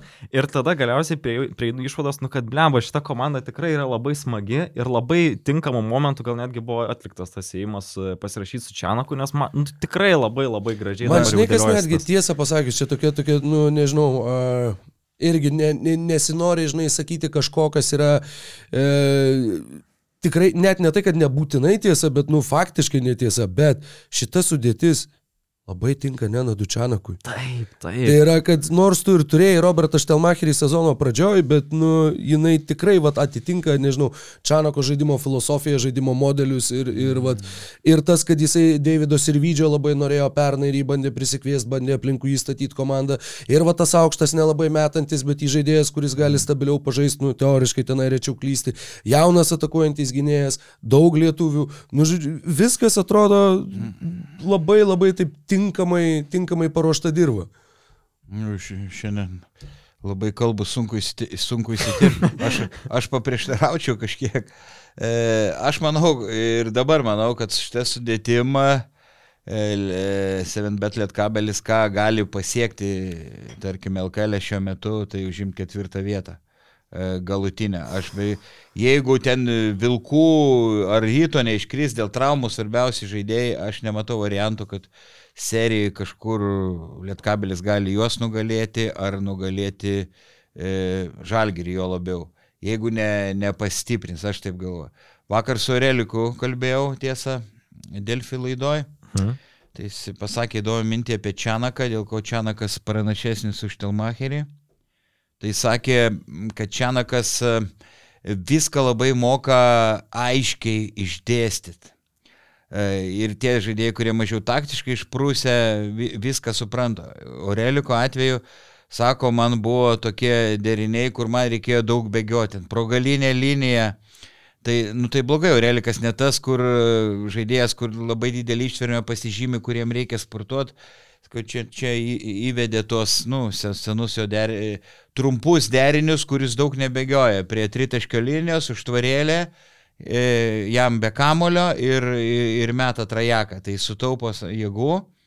Kitas dalykas, leidžia jam žaisti, e, unikalus dalykas, pick and roll, būti jam su kamuliu. Jis ketvirtas numeris, e, žaidžia su penktu. Ir e, tas dalykas jam labai patinka, nes turi, mėgsta turėti kamuolį savo rankose, kaip iš žaidėjo pozicija. Unikalus dalykas, ket, ketvirtas numeris su penktu žaidžia derinį, derinį 2 prieš 2. Ir sako, Nu, Retas labai dalykas. Ir sako, gynyba, kad sako, Čianakas labai moka, Koštelmacheris nelabai gali aiškiai sudėlioti akcentus ir labai visiems viską, viską pateikti ant lėkštutės ir trumpų efektyvų derinių turi daugiau. Jo, tai yra komunikacija. Tai yra vienas iš tų, sakykime, įgūdžių, kur netgi nežinau, jeigu esi žaidęs ten kokius futbolo menedžerius ar kažką, yra vienas iš, iš įgūdžių, kurie yra vertinami ten nuo 0 iki 20. Nu, tai akivaizdu, kad Čanako komunikacija yra nepalyginamai geresnė negu Roberto Štelmacherio. Kaip pavyzdžiui, yra tekę girdėti apie vieną futbolo trenerį lietuvių, kur e, ten pasako vienas bičiulis, kur sako, nublembais ateina ir nu, ten tokia logika, kaip kad sakytų, žinai, BMW, baltas, salota, kiaušinis, ten dar kažkas, kur sako, nu, mums pasako, mes nesuprantam, ką jis, ką jis nori pasakyti, ką jis turi omeny. Ir jeigu tu kažko bandai klausti, jis pradeda rėkti, nu, žodžiu, tai va tas ir yra, kad komunikacija. Tiesiog, kad kad visi suprastų, kas yra, ko yra iš jų norima ir... ir Taip labai aiškiai tos e, vaidmenys sudėlioja žaidėjų ir, ir derinius, ir gynybos schemas. Tai aš tiek paklausiu. Ar jų, aišku, prie Čianoko ir žaidimas, kokybė pagerėjo viskas Lietkabelio žaidime, bet ar jūs manot, kad su dabartinė sudėtim, nu tarkim, Hadžibėgaučius dar pasveiksta, e, ar gali jie realiai prizinę vietą užimti šį sezoną? Aš tau pasakysiu taip, aš esu visiškai pilnai įsitikinęs, kad Panevežio 7bet lietkabelis yra lygiavertiškai tiek pat turi šansų kaip ir Wolves, kaip ir Rytas laimėti KMT turnyrą. Kod- Aš ne apie komentarą, aš apie... Aš, aš, LKL. aš tiesiog KMT, net ta prasme, Aha. LKL tai trečia vieta, ta prasme, irgi tikrai galvoju, kad jie galėtų trečią vietą laimėti, bet tiesiog žiūrint į taurės turnyrą, kodėl aš manau, kad e, Lietkabelis yra lygiai tiek pat pajėgus jį laimėti, konkuruoti su Žalgiriu. Tai kai viską vieną, atsiprašau, vieną, vienos rungtynės lemia, taip, ten yra ir tokius elementas sportinės sėkmės. Taip, kažkiek sportinės sėkmės, bet tai tikrai nėra antiek blogesnė komanda už rytą ir, ir Vilkus. Ir, Vil- Aš sakau, šiek tiek. Jeigu su ta sudim Lietkabelis užima, nežinau, trečią vietą, tai paminklą reikia Čianakai statyti. man, Aš, aš turiu dar vieną argumentą. Uh, vienas dalykas, apie kurį dar nespėjau irgi pašnekėti sėdėdamas čia, tai yra, e, nu tiesiog visiems visiem panevežiečiam, visiems prieš Ankaros Turk Telekom. Aš išgyvenau tiesiog sportinį orgasmą, žiūrėdamas tas rungtynės, nu tai buvo dieviška. Man tai buvo paskutinis vakaras būtė, iš kurio krausimės kitą dieną. Gaila, tai... kad nekomentavai, o tai buvo. Gaila, bet tuo pačiu žinok ir negaila, nes, nu, gaila, nes tau gaila, kad tu nesi arenoje, bet tuo pačiu, nu, vat, pažiūrėti per televizorių tokias, nu, šiuo atveju per ekraną rungtynės, buvo, nu, tiesiog kažkas fantastiško. 18-0 atkarpa, likus mažiau negu 2 minutėm, tu turi minus 11 ir tu 18-0 kartu su pratesimu užbaigi rungtynės. Vat tai irgi, apie ką su Šarūnu Vasiliausku esam nekartą šnekėję, kad tai kaip komanda, kiek yra tvirtas jos stuburas, kiek yra tvirta jos rūbinė, atsispindi tame, kiek jinai sugeba išlipti iš duobės. Ir jeigu tu sugebi iš minus 11 per mažiau negu 2 Ne, minutės išlipti. Nu tai yra taip, ten aišku, ten buvo Gedimino Oreliko faktiškai viskas, beveik visi buvo jo taškai, nu ten 3 tritaškai, 2 taškai, tiksliai dabar nepasakysiu, man rodos gal ten 16 ar 14 iš tų 18 taškų sumetė, žinai. Bet jo, tai yra vienas dalykas, yra Gediminas Orelikas, kuris žaidžia fantastišką krepšinį, yra ta tvirta rūbinė, yra Vitenis Lipkevičius, yra Gabrielius Maldūnas. Tai vad kalbant apie tą, kiek ta komanda turi, turi savyje kovingumo, kiek jinai tiki treneriu, kiek treneris tiki žaidėjais, nu tai yra, va, tai yra laiminčios komandos formulė, jie gali Mhm. trūkti talento, jie gali neturėti ten, žinai, pajėgių legionierių žaidėjų, kurie ten mestų po 30 taškų kažkurios rungtynėse. Jie neturi Fosterių, jie neturi Sulaimonų, jie turi savus bičius, kur vi- visi vieni kitus žino, visi vieni Na, kitus palaiko ir turi va, būtent tą tvirtumą. Aš- Dar vienas dalykas, dar tik okay. noriu pabaigti. Gediminui Orelikui šiuo metu jau yra 33, gegužė sueina 34, Gabui Maldūnui sueis a, 31 balandį, E, Vyteniui Lipkevičiui gegužė taip pat sueina 34. Ta, tai yra, žinai, e, net ne 34, atsiprašau, 5. Mes vad kalbam apie tą komandą, kuri yra, nu, kiek ketveris kokius metus, va kiek yra Čanakas, yra va ta tvirta rūbinė, yra va ta komanda, kuri va iškovojo medalių, va turi trofėjų, bet realiai, nu, jų karjeros artėja prie galo. Tai gali būti, kad netgi šitas yra sezonas, jiem yra paskutinis. Gali būti. Realiai visiems kartu vad susimti ir pamėginti laimėti, kad ir tą pačią karaliaus Mindogo taurę. Kas, tai, nu, atrodo, kad šita komanda būtent, sakau, jeigu mm, gali dar laimėti kažkokį titulą, jeigu gali pasiekti va tą aukščiausią istorinę pergalę, kokią panevežys gali iškovoti, čia yra tas sezonas. Aš labai tikiu ir tikrai esu įsitikinęs, dar pratęsiant atsakymą į to klausimą, aš tikrai tikiu, kad Lietkabelis gali žaisti finale. Nuoširdžiai tikiu. LKL LKL finale. su dabartinė sudėtim. Tikrai su dabartinė sudėtim, nes pasižiūrėk, Vaidai, kaip jie tvarkosi su, su kriziniam situacijom. Vieną, ką yra minėjo Rokas apie tai, kaip komanda lipa iš dobės. Su Ankara kitas dalykas. Tu atvažiuoji į rungtynės telšiuose, žais su mažiekiais ir tu neturi Valinsko, Sirvidžio ir Oreliko. Oreliko. Trys tavo esminiai žaidėjai ir tu atvažiuoji į mažiekius ir pradedi rungtynės 24-9. Į telšius, bet prieš mažai. Jo. Taip, į telšius atvažiuoji ir pradedi rungtynės 24-9. Ar Tai- man tai visiškai kalba apie komandos stiprybę, net ir praradus, du, nu, nu, t- net tris, nu, ta prasme, aš savo Nu, tai Su to komandą. praradimu yra kitas dalykas. Yra tas, kad komanda, kai, kai, žai, kai komanda netenka lyderių, mobilizuojasi kiti. Čia yra labai dažnas atvejis, tai irgi byloja apie stiprią rūbinę, bet e, man šitas nėra tiek iškalbingas faktas. Mm. Tai yra kaip tik, nu, vat, jeigu tu sugebė atvažiuoti, jeigu tu esi Kauno Žalgeris ir tu sugebė atvažiuoti ir nepradėti ir sužaisti, vat, nežinau, mm. 40 kokybiškų minučių, tai būtų iškalbingiau. Bet čia iškritus keliam žaidėjim, manau, kad čia ne. Nu, bet tai nėra kažkokie super, ne, nu, ta prasme, tai nėra kažkokie suolo, žinai, žaidėjai. Jo, tai, jo, jo. tai yra, nu, komandos ašis, aplink Taip, kurią viskas taip. sukasi. Ne, nu, bet, bet tai sakau, čia yra ta situacija, mano manimu, kur iškritus lyderiam kaip tik, kaip tik kiti pasitempė. Jo, Čiapas lipas Oi, sienom, ne, nori ir šiandien vis- sunku įstirpti, jūs išsilgė podcastų grįžčiai, aš galvoju, ar dar pasisakysiu šiandien. Viskas gerai, atmosfera rūbiniai fantastiška, pats Orelikas sakė, e, kad prie to trenerio, nu, nu tas užsivedimas, kovingumas net padidėja, nei, nei, nei, buvo, nei buvo anksčiau. Ne. E, tai, tai viskas tvarkoja, bet krepšinį ne, ne, ne, ne vien kovingumas ir mikroklimatas lemia. Aš manau, kad šiek, šiek tiek dar, e, nu, meist, jeigu meistriškumo lygį žaidėjų imtume vidurkį, tą, žinai, kol kas ryto e, ar vilkų, tai tų komandų šiek tiek persvara prieš Seven Bet Lietkabelį. Bet aišku, matėm daugybę atvejų, kai kažkiek silpnesnės, mažesnio biudžeto komandos e, laimi, tai gali, gali ir tai būti, bet e, žvelgiant į ateitį, tai Manau, kad tikrai gerai būtų nu, pasistiprinti e, šiek tiek 7bet lietkabeliui, bet labai faina, kad jie lietuviškumą išlaiko, lietuviškiausia komanda, du legionieriai, nu dabar ne, Hedžbėgų, jeigu grįžtų. Be- Birčevič. E, Birčevičius ir e, ką dar norėjau pasakyti. Ai, grįžtant prie Aureliko, sakydavo mintį, sakau, nu bet sakau, tu toks, e, kaip Tiškevičius padino į rutuliuką, sakau, e, rubuiliukas, nu, ne, kaip aš, sakau, tau ne, netrukdo tie, tie kilogramai, sako, žinok, buvau kairytė, kažkas treneriai ten liepė numesti, numečiau iki 100 kg svorį, sako, tada man jėgos sumažėjo, aš stumdytis negaliu, man silpna. sako, jis dabar sveria 107, sako, optimaliai jaučiuosi, jo šiek tiek to svorio per daug, bet tai yra, gal kartais ir dėl to kvapo pritrūksta, bet sako, aš galiu stumdytis, aš tvirtai jaučiuosi ir, ir jeigu numeščiau, man būtų blogiau. Mm. 7bet lažybos. 7bet kazino. Lošimo automatai. 7bet. Nesėkmingas lošimas gali sukelti priklausomybę. Labai būna naudingos mūsų pertraukėlės, kad mes padarėm pertraukėlės, nes e, aš kartais būna tikrai pergalvoju, ką pasakau, pavyzdžiui, kad Lietkabelį žais LKL finale. E, Bet ko tikrai neabejoju, ką dabar pasakysiu, tai aš jums pristatysiu mūsų partnerį Profitus. Tai e, investuokite į nekilnojamų turto projektų vystimo finansavimą, taip aš jums pasakysiu. Ir Gerai, tu čia pasakysi. gerai pasakiau, ar ne? Tai Aha. žinia dabar tokia, kad nu, visi kažkaip bando įdarbinti savo pinigus, kad jie viet- vietoj to, kad laikytum kažkur po pagalbę ar, ar po lovą tas pinigus, tiesiog juos įdarbintum, tie pinigai nenu, nenuvertėja ir profitus yra to sutelktinio finansavimo lyderė Lietuvoje, apie investavimą kalba aiškiai, e, paprastai. Ir Ir Čianakas. taip, vi- visiškai kaip čia. Gera komunikacija.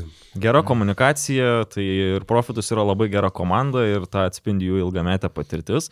Tuo pačiu jų veiklą prižiūri Lietuvos bankas, kas kalba apie patikimumą. Vėlgi, kaip ir Nenadas Čianakas, di- dirba patikimoje organizacijai, ar ne, pats irgi yra patikimas. Ir Profitus Investuotojai nuo 2018 metų uždirbo jau daugiau nei 7 milijonus eurų. Aišku, ne, Nenadas Čianakas nuo 2018 metų tiek neuždirbo. Bet tu Bet- pažiūrėk čia pas be akinių. Wow.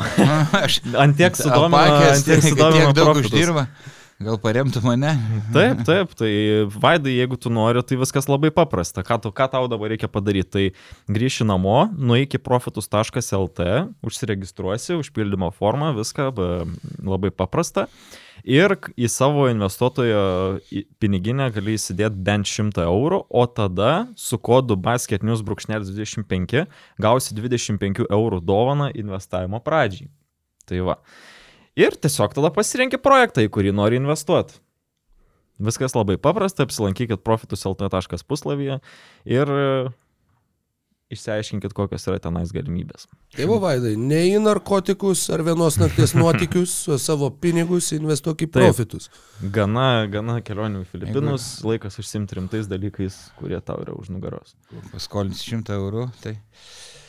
Tai, ir tai gražinsi daugiau po metų. Čia dar vienas dalykas, apie kurį su Roku per pertrauką ka- pakalbėjom, kad uh, Vaidai, uh, ar tu atkreipi dėmesį į tuos vadinamosius uh, meskotus, kaip lietuviškai? Talismanus komandų. Komandų talismanus, kuris tau yra mieliausias komandos talismanas? Iš apie talismanus skaudi tema, trumpai pasakysiu.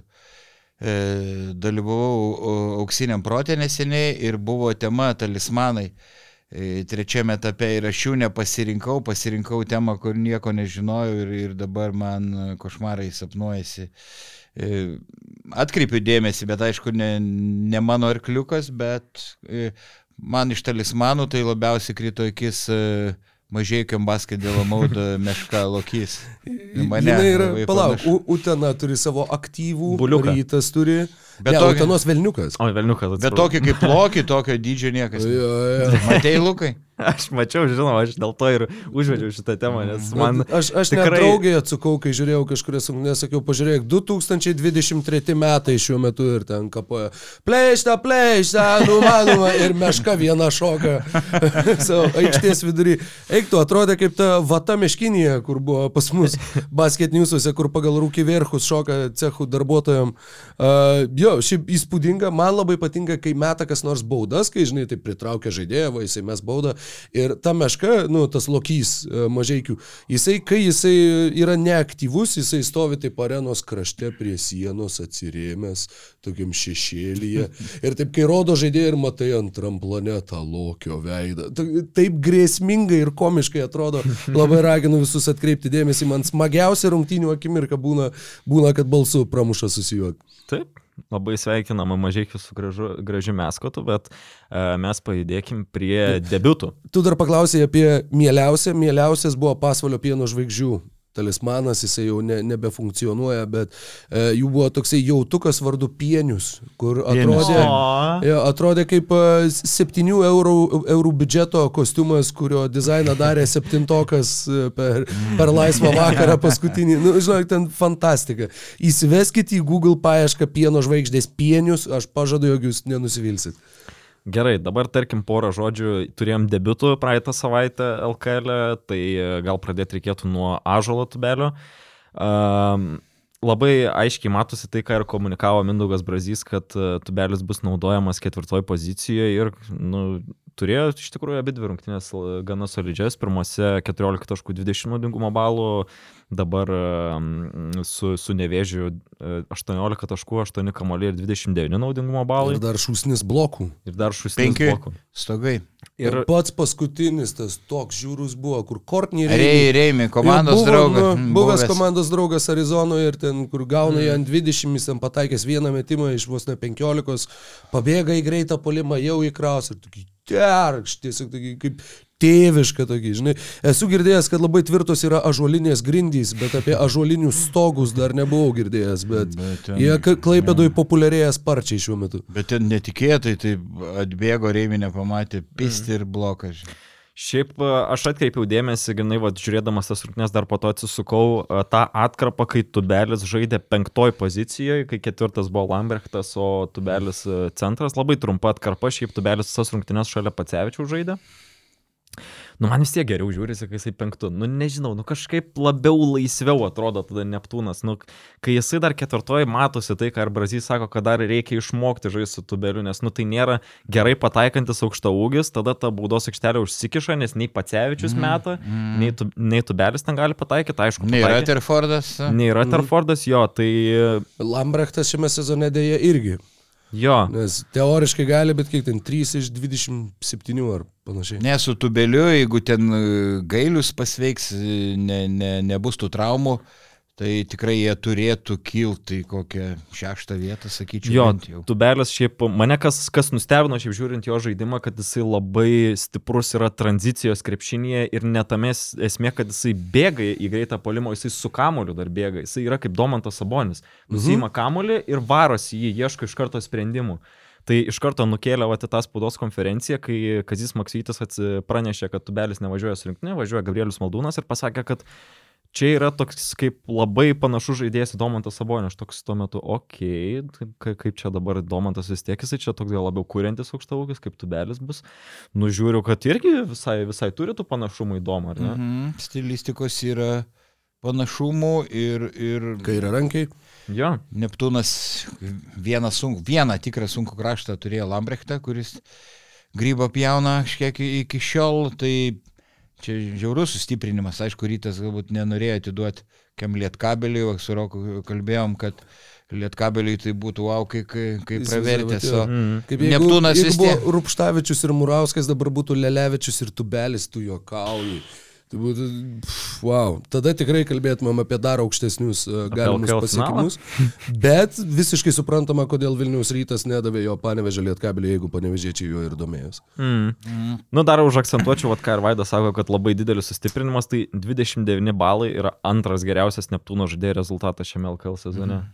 Pirmose LKL rungtynėse, aš tai taip Tubelis. nepamirškim, kad prieš nevėžį, kurie antroji rungtinių pusėje iš vis... e, Nu, ten jau po pirmo kėlinio, man nebe- atrodo, jau nebe- pasidavė. Ne, po dviejų kelnių Ne, ne, po lygiai. pirmo jie turėjo plus 5 kėdainiai. Po Jo. dviejų Neptūnas turėjo plus 4 ir 5, trečio pradžioje iškart buvo iki gal plus 12 ir Šaras Vasiliauskas iškart sakė, eik, tu sako, viskas, žinok, vi- viskas. Mm. Buvo, jo, jau tik, ne, sako, neišlips. Nu, vat, jie, neturi, jie neturi kaip išlipti. Jie neapsigina, jie nėra snaiperių komanda, kuri tritaškių kažkokią seriją sumestų. Ir labai greit per trumpą laiką į dugną lūšta ir psichologiškai ar ten fiz, fizuchė prastoka, ne. Tai va, dar Vaidai norėjai kažką pasakyti apie... Apie tubelį. Okay. E, mm, iš tiesų, ir Rokas tą mm, pakartojo, kodėl jis mm, MBA nepakvietė jos klubas. Truputį ke- keista, nes e, kaip ketvirtas, tarkim, numeris, net penktas yra super greitas. Bet e, turbūt prastas tas kojų susikeitus ginamai šoninis tas judėjimas dėl to, kad negali susikeitimų gynybos tą efektyviai. Bet LKL aš manau, kad jis ga- galėtų keistis, nu vis tiek, kur NBA ir... Mhm. ir, Ir ir negali susikeitimų gynybų, tai todėl ryte nežaidžia, nevaidai. E, tai ža- žaizdą ryte ir matėm pataikė, pataikė ten ir iš toli, gal kažkiek patobulins, tobulį tą metimą ir, ir ne, Neptūnui, tai wow, čia sustiprinimas nerealus. Jo, dar pažiūrėsim, dar turėjai minčių apie Andersoną iš Šiaulių e, papildymą. A, šitas, nu, labai sunku pasakyti. Matėm, kiek aptarėm žaidėjų, podka, kur pra, pradžioje atrodo tragiškai, o po to pradeda žaisti geriau. Tai visiška e, katė maiše, natūralu, įsimestas į ugnį buvo prie žalgerį gyvenime. Ne- Nežaidęs prieš tokio lygio komandą, kai atrodė kaip kosmose, pasimetęs, e, e, nu, stebuklų Mhm. su, sunku sulaukti, gal, gal kažkiek, kažkiek ir padės daug, daugiau, aš nelabai. Nu, Prastas metikas. Antino Jacksonas gal. Antino Jacksonas grei, dar jeigu greit, sėkmingai- greitesnis, e, Aš, buvo aš apie, bežemesnis. apie A. kaip pasakyti, įtaką komandos žaidimui, nešama naudą, ne apie E, žaidimą Prastas metikas Kiprė žaidė, tarkim, praeitą sezoną kažkiek du metimai iš 22, tritaškai. Ka- Kaimaklio, Achilas ar kažkuris tai herojus. Nu, kažkiek gali prasiveršti, nu, bet, nu, Mm. ne- nemanau, kad gal išgelbėtų šiaulius. Nu, matysim. Nu ir aišku, dar gal Deontay Hawkinsą irgi reikia paminėti tarp tų debiutų. Tai tik tiek, kad galbūt atletiškesnis, man atrodo, už, už, už Dolensą yra, bet, nu, pataikė vieną iš keturių trit- tritaškių, kas turbūt sufleruoja, jog tai nebus toks geras metikas kaip Dolensas. Ir, nu, Nu, nes... žinai, iš, iš keturių pirmų metimų tikrai ne- irgi, nu, čia negali spręst, Tai nėra imtis, kuri jau labai stipriai kažką, kažką parodytų. Mhm. Tai va. Jeigu jau baigiam su visais aptarimais, man atrodo, galim, Nuvažiuojam. galim judėti prie temelės. temą. didžiąją temą, kurią pasiruošėm šiai savaitėjai, tai kažkaip e, Rokas pametėjo tokią mintį, kad vis tiek turim Klaipėdos Neptūnę Timą Lambrechtą, kuris, kaip jau aptarėm, nu, yra šį sezoną ganėtinai blankus. Tik pagalvojom pasižvalgyti po LKL istoriją. Legionieriai, kurie yra pakeitę po ne vieną LKL komandą. Nes šiaip yra gan retas atvejis, kad kažkoks legionierius po sezono LKL dar po to liktų, gr- sugrįžtų mm. į Mhm. kurią kitą nors e, LKL komandą. Tai pasižiūrėjom kažkokiu atveju, kokie ten mums labiausiai įstrigę per LKL istoriją. Vaidas tikiu, kad yra pasiruošęs visokių ten iš 95 metų. Tai... Mm, prie smetonos laikų nu, atsimenu. ja. Tai mes e, kampas gal tas, e, ėmėm tokį kampą, e, kas daugiausiai iš legionierių pakeitė klubų, kurie yra pakeitę po du, tai čia belė ką sakau, Lambrechtas, Trevisas Leslie, Woodbury, Antonio Grantas dar daugiau, paskui Džemėlas Ryčias, Čansi Kolinsas, Šonas Braudusas. Grantas žaidė trijose komandose. Taip, taip, po to bent jau dviejose e, Džerajus Grantas, Derikas Lau, Gagičius, Trentas Pleisitas, Jimmy Baronas, Richardas Kriuksikas, tai yra Kuksikas, e, Lapeta, e, žodžiu, la- labai daug e, prisirašęs, bet e, vieną suradau, nu, iš dalies, kurį e, keturiuose klubuose, bet pasakysiu dėl ko iš dalies, nes jis e, gimęs, nu, pabandykite atspėti, gimęs Ukrainoje, Kijeve, bet paskui gavo ir Lietuvos. Mikhailas Anisimovas. Taip. Yes. Žaidė keturiuose klubuose, tai yra LSU ar topo centro atletas, Šiauliai, Neptūnas, Neptūnas. Ir, ir Rytas ir dabar apie jį Basket News buvo straipsnis neseniai, kai padeda Ukrainos kariams, savanoriauja, subūrė draugų komandą ir e, perka maistą, e, vežioja e, paprastiems žmonėms, kariam, pats gamina maistą, paprašė jam pervedė pinigų. Jankūnas, Jomantas, Vytautas Šarakauskas, Priekevičius, Selas, Egidijus Dragūnas ir, ir žodžiu, užsima tą, kare, sako, bet jeigu norės reikės, tai eisiu į frontą, gal jau išėjo, ne, nežinau, ir jis gavo paskui Lietuvos pilietybę ir su jaunimo rinktiniam yra laimėjęs ir pasaulio čempionatą, Europos prizininkas, LKL čempionas, Universiados čempionas, Eurocapo laimėtas su rytų, tai pakeitė keturias komandas ir visi jį vadina Miša. Iša. Neptūnė, aš jį labai ryškiai atsimenu, dar mano paauglystės, jau vėlyvos paauglystės berots metu jisai žaidė, tai labai mylėjau Mikhailą Nisimovą, jis buvo labai emocionalus žaidėjas, buvo iš tų, kur, žinai, sugrūda kamolį, su bauda, kala kumščių į orą, rėkia, va tas toks užvedantis žaidėjas, už kurį labai labai geras sirgti. Tai labai ryškiai ir labai maloniai jį atsimenu ir iš tų laikų ir, ir dėl to, ką, visko, ką jisai daro dabar, didžiulė pagarba. Stipraus kūno vidurio polėjas, labai galingas, labai geros širdies žmogelis. Kaip dauguma ukrainiečių. Tuo pačiu reikėtų pridėti, kad Europos taurės čempionas. Tai Su- pridėjau, Minėjau, Eurocupą, minėjau. sakiau. Mhm.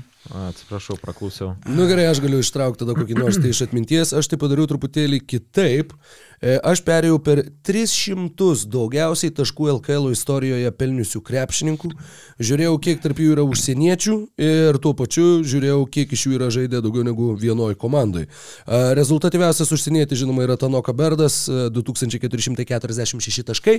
Antras rezultatyviausias yra šešiose LKL komandose. Šešiose. Šešiose. Žaidęs Rašuanas Brodusas, Marijampolės Suduva, Šiaulių Šiauliai, Klaipėdos Neptūnas, Utenos Juventusas, Vilniaus Rytas ir karjerą baigė 2018 kartu su broliais Bolais, žaisdamas Prienų Birštono Vytautė. 168 rungtynės LKL, 1815 taškų. Jis LKL pelnė daugiau taškų negu Donatas Zavackas arba Eimantas Bendžius arba Jonas Mačiulis. Tai a, tikrai daug metų žaidęs Lietuvoje ir jisai man vat, buvo labai įdomu žiūrėti ir ką tie žaidėjai veikia dabar, nes tuos žaidėjus atsimeni ir daugumą atvejų galima rasti, ką jie veikia, jeigu jie jau baigė karjerą, jeigu nebaigė, aišku, dar lengviau. Tai Rašanas Brodusas šią vasarą tarpo, tapo e, Darko Rajakovičiaus asistentų Toronto Raptors klube. Jis yra Wow. NBA vyriausiojo trenerio asistentas, Rašanas Brodusas, Toronto Raptors. Šiaip, kiek atsimenu, man visą laiką Rašonas Brodusas šiek tiek asocijuojasi su Virginijum Šeškum, nes man atrodo jis ir yra pažaidęs prienuose ten gal nemažai. Prienuose jis žaidė tik tai tą vieną sezoną ir ten, ten žaidė pakankamai nedaug. Jis porą metų žaidė Šiauliuose, uh, sakau, Marijampoliai, Klaipėdoje, Utenoje po metus ir ryte epizodai. Utenoje turbūt ryškiausia pėdsaka yra palikęs. Jo, bet kažkokia, nežinau, turiu asociaciją kažkodėl su Virgiu, Virgiu ir juo. Man atrodo, čia tas sezonas, kai bolai. Taip, žaidė. taip, taip, sakau, kartu su broliais Bolais žaidė ir Jo, jo, jo, Brodusas. tai kiek prisimenu iš to sezono, ten buvo kalbėta, kad gal ir nereikalingas papildymas, kad vis tiek tie bolai ten tobulėjo, dabar dar pasikviečiamas gynėjas legionierius. Nu, įdomus sezonas ten buvo jo. Labai įdomus buvo sezonas. A, Dar nepaminėjau tokio legendinio Hervė Džombi, žaidė panevežį. jį turiu išsirašęs. Ir Šiauliuose. Šiauliuose ir panevežį, labai sp- spalvinga asmenybė. Aš galiu apie jį išsiplėsti, Vaidai, nežinau, ar radau Trumpai, aha, dalykų. Trumpai. Uh, vienas dalykas tai yra 2000 metais jam pasirašęs kontraktą su Šiauliais išėjo interviu rūpiučio 23 jo su Šiaulių krašto dienraščiu. Mhm. Čia išsirašiau kelis klausimus ir jo atsakymus ir kai kurie eina pailiui, tai yra interviu, žiūrėk struktūrą. Gal žinai nors vieną lietuvių grupę? Žinau, Mango. Panevežyje kentėjai nuo vagių? Viena, perėjimas nuo vieno klausimo prie kito. Taip, jie kelis kartus apvogė mano būtą, vieną kartą pavogė daiktus iš persirengimo kambario, mano ir dar kelių žaidėjų, tačiau tikiuosi, kad šiauliuose to nebus, nors apskritai vagių yra visur, kamerūne taip pat. Po to jo klausė, kiek jisai uždirba, jisai sakė, galiu pasakyti, kad maždaug tiek pat, kiek gaudavo ir Semoje, na, truputį daugiau. Skliausteliuose šiaulių krašto žiniomis, Herve Džombis panevežėje uždirbdavo 500 dolerių per mėnesį, redaktoriaus pastaba. Į kitus klausimus atsakymai. Ir cepelinų valgiau, ir bulvinių blynų, skliausteliuose patiekalų pavadinimas H. Džombis ištarė lietuviškai. Ir klausimas, kuris mane nužudė, buvo. Ar esi šokęs prie laužo? Yra tekę pas mus taip daroma minint artimųjų mirties metinės arba kai kas nors tampa bendruomenės vadu. Ar turi merginą? Taip. Tai yra paskutiniai klausimai, kuriuos Tomas Beržinskas uždavė 2000 Herve Džombiui. Ir antraštė buvo nuo šokių prie laužo Kamerūne iki krepšinio aikštelės Lietuvoje. tai sakau, tas... tas Tomas yra- Beržinskas, žinomas e, žurnalistas, po to dirbo, man atrodo, ministerijose, kai kuriuose atstovus. Nu, bet šita visa rasistinė konotacija yra, yra labai... Jeigu, stipri, jeigu tas tiesiog, pats, auč. jeigu tas pats, jeigu E, ne. tai jo, jisai beje išvykęs iš Šiaulių, žaidė Belgijoje šešetą metų aukščiausio lygio, vėliau žaidė žemesnėse lygose, dabar, jeigu pavyko rasti tą patį žmogų, jis dirba IT konsultantų Antverpe ir beje jisai blokavo 73 metimus, žaisdamas už Lietkabelį ir LKL istorijoje, panevežė Lietkabelio daugiau blokavęs nėra niekas. Tiek Oho, pat blokavo Andrius Višniauskas, bet Herve Džumbi, žaidęs dviejus metus, panevežyje yra vienas iš Lietkabelio blokų rekordininkų iki šių dienų. Nu, pui, puikus, puikus papildymas. E, dar radau, nu paskui pakalbėjau apie Antonijo Grantą, ne, visi turbūt. O tai Yeah. E, Antonijo Grantas, e, Šiauliai, ne, Labiausiai išgarsėjęs dėl Saulenio Pociūno interviu. oi, tas labai tai- šauklus, e, konkursą laimėjo dėjimo LKL. Eurocapė žaidė, nu tas Eurocapas tada kitokio lygio buvo, tai yra įmetis 20 taškų Eurocapė, 10 kamuolių atkovojęs, nu čia, čia yra jo, jo rekordai. Pala, kuris dar žaidė šiandien? Nevėžyje. Nevėžyje, taip, žaidė Nevėžyje. Ir dabar jis yra executive e, direkt, vykdantysis direktorius Pietų Karolinos Kolumbijos universiteto komandai. O, jis ir rengia krepšinio ir gyvenimo įgūdžių stovyklas Šiaurės Augustoje, Pietų Karolinoje, e, skelbia konkursus nemokamam dalyvavimui laimėti vaikam, bet ten vargiai kas te dalyvauja, ten skelbia, kad penki va vaikai laimėjo, trys laikai paspausti ant to posto, čia per pastaruosius mėnesius.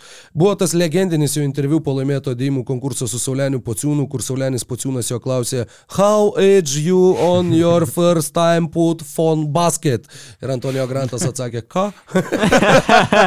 Vėliau sakė, I like everything, I like everything, fastum gel, everything, oh, everything. Blemba, Gavo Fastum gel. dėžę fastum gelio už tai, kad laimėjo dėjimų konkursą. Ja, bet e, irgi įsiminęs labai iš paauglystės, Klaipėdos Neptūnas, senoji arena, Antonijo Grantas, Šeikų Kaba, Aleksandras Savenkovas buvo Neptūno legionieriai tam sezone ir vadovavo komandai Robertas Kuncaitis, kuris dėja nežino, kieno yra Krymas, bet e, tai buvo pi- pirmi sezonai, kai ėjom žiūrėti Neptūno, dar- gal antras ar trečias. Taip. Dar prie, pridėsiu, kad žaidė dar vienoje Lietuvos komandoje tai Šilutį, bet jį jau ne, ne, ne, neberungtiniavo. O, E, ne, ne, neberungtiniavo LKL. -e. Nu galiu aš dabar dar vieną. E, nu, Nušauk. sakyk, jo. Nušauk. Šiandien visi, visi kavos. Šiaip labai, labai daug labai įdomi trajektorija, nes šiaip, kad pamatytum legionierių, kuris nuo RKL pakiltų iki LKL yra labai retas atvejis. okay. Ir mes turime Okay. tokį žaidėją kaip Darykas Leonardas. Atsimena Rick tokį? Leonard. Daryk Leonard. Girdėtas. Girdėta. Jisai karjerą Lietuvoje pradėjo 2009 metais Raseinių Rasų komandoje, o po to kitą sezoną persikėlė į Pieno žvaigždės, kurios žaidė dar NKL -e, ir po to su Pieno žvaigždėm išėjo į LKL Oho. ir po to Wow. wow. LKL -e pabuvo Pieno žvaigždėse, pabuvo Tenos Juventuse, po to vėl sugrįžo į Pieno žvaigždės, po to persikėlė į Lietkabelį 14 metais. Pažaidė Lietkabelį, iš kurio dar persikėlė į Kedainių nevėžį. Tai iš viso yra pažaidęs keturiose LKL komandose. Šiaip Wow. vidurkiai kažkokie net nėra stebuklingi LKL. Šiaip labai įdomu, kad Buvau pamiršęs, tikrai priminė kažką, dabar jau tikrai atsimenu. Jo, jo, jo. Skambesys vardo pavardės tikrai jo. tais jo, metais, kai Pieno žvaigždės de debitavo Lietuvos krepšinio lygoje, jisai sužaidė vos trejas rungtynes, tačiau tada fiksavo 23 taškų vidurkį ir 24 naudingumo balų, bet čia per trejas rungtynes.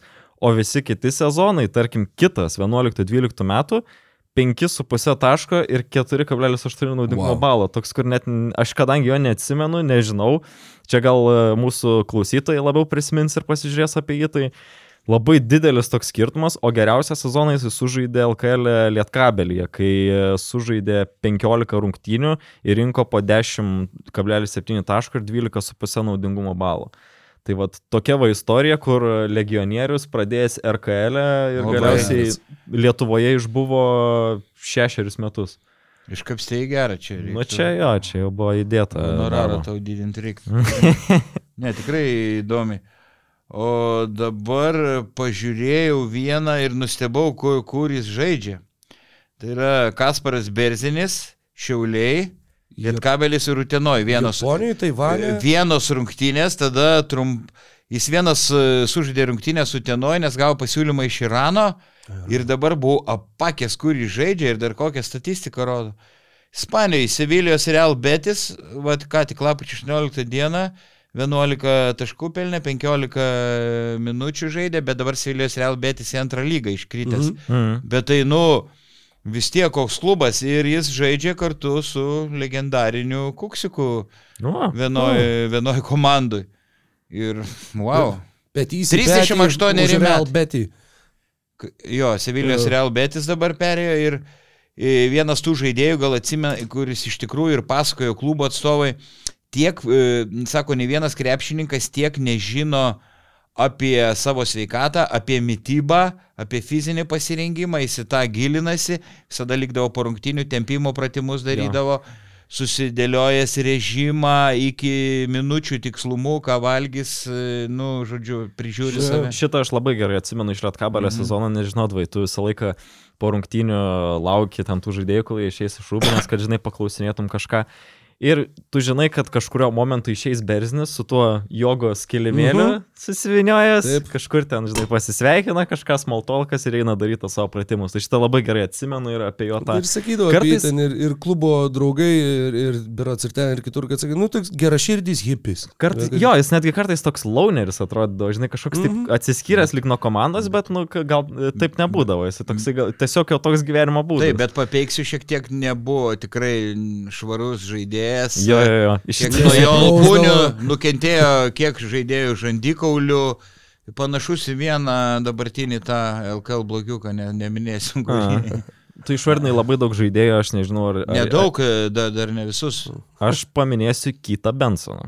Va, kaip tik norėjau dabar. Kitas Bensonas, kuris žaidė Klaipėdos Neptūne 14-15 metais ir į Lietuvą sugrįžo 2021 sezonė e, į Vilniaus rytą ir ten buvo labai prastai. Labai visi prastai. Pa, labai prastai, kaip pamatėme. O Neptūnė Eurolygoje visai pusė velnio buvo. Nu, toksai, ja.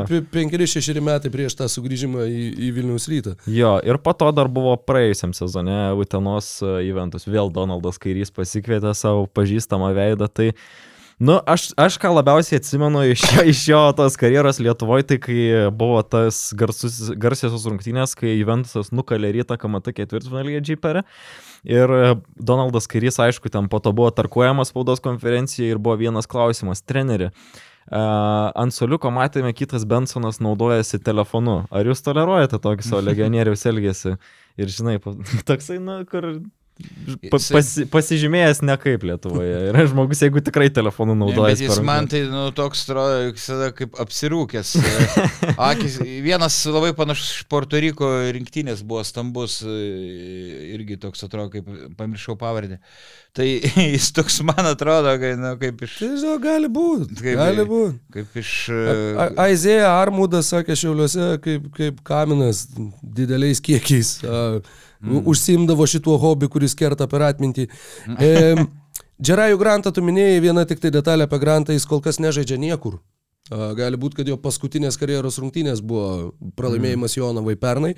E, toliau tarptų rezultatyviausių krepšininkų yra havajietis Derekas Lau, 2017 beis, nu žaidė irgi keliose komandose, pieno žvaigždėse, šiauliuose. šiauliuose. Mhm. Jo, 2017 jisai nepraėjo, šitas kažkaip garsiai nenuskambėjo, Lietuvos antidopingo agentūros testų, pripažino naudojęs draudžiamus preparatus, buvo diskvalifikuotas 20 mėnesių ir daugiau profesionaliai niekada mhm. nebežaidė.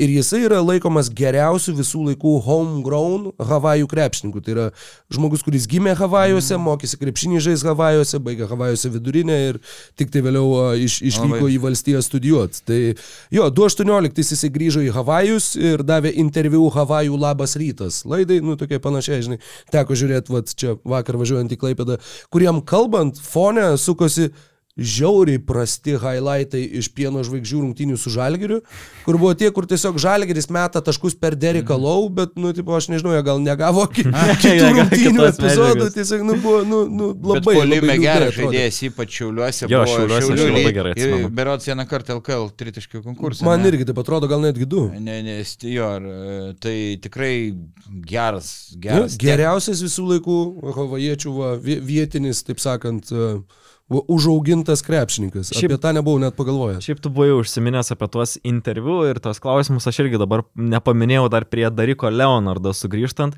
Buvo 2.11 basket newsai padarė su jo interviu ir mane iš tikrųjų... Čia kai jis dar seniuose žaidė? Ar... Ne, ne, ne, čia jau jisai buvo pasvaly. A. Jo, čia jau buvo LKL žaidėjas, tai labai iš tikrųjų nustebino, ant kiek iš esmės yra pasikeitusi ta mūsų sporto žurnalistika dabar, ta klausimų prasme ir kaip jie yra formuluojami, ap, apie ką iš viso yra kalbama su, su legionieriais. Ar esi šokęs prie laužo?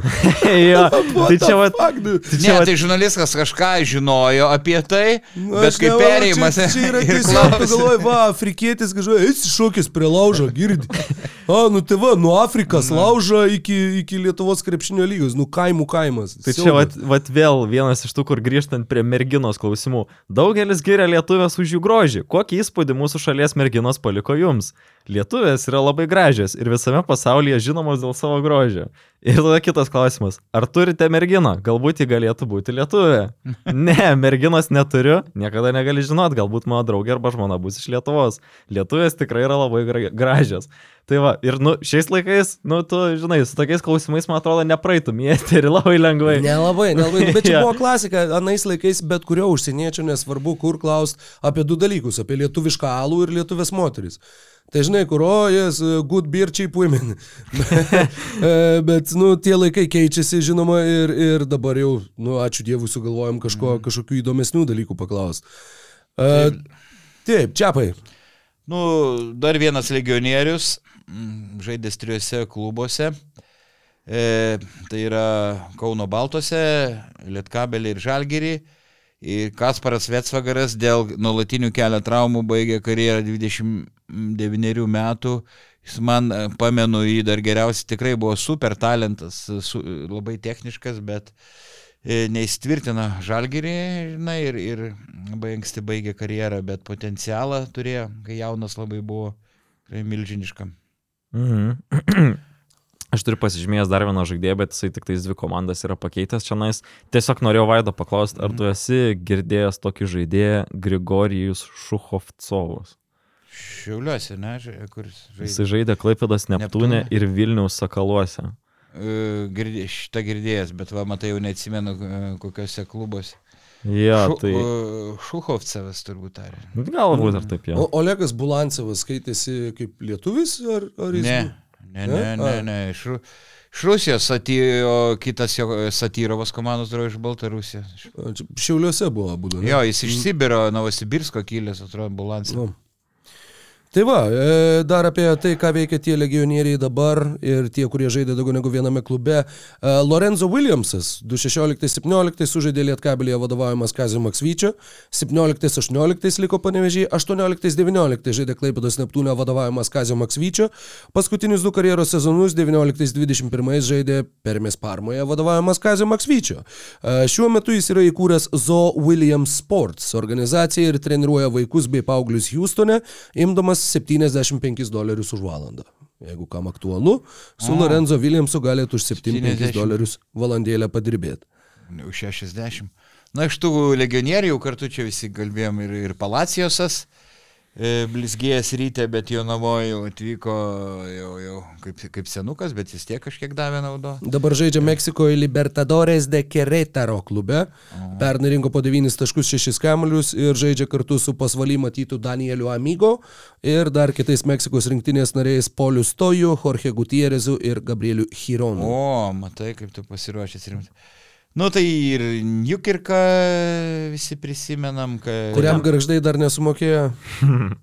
Ne, aš kalbėjau, yra grafikas, lai, dabar laiku gražinamos yra skolos ir Saliumienė tą, tą minėjo žiniasklaidai.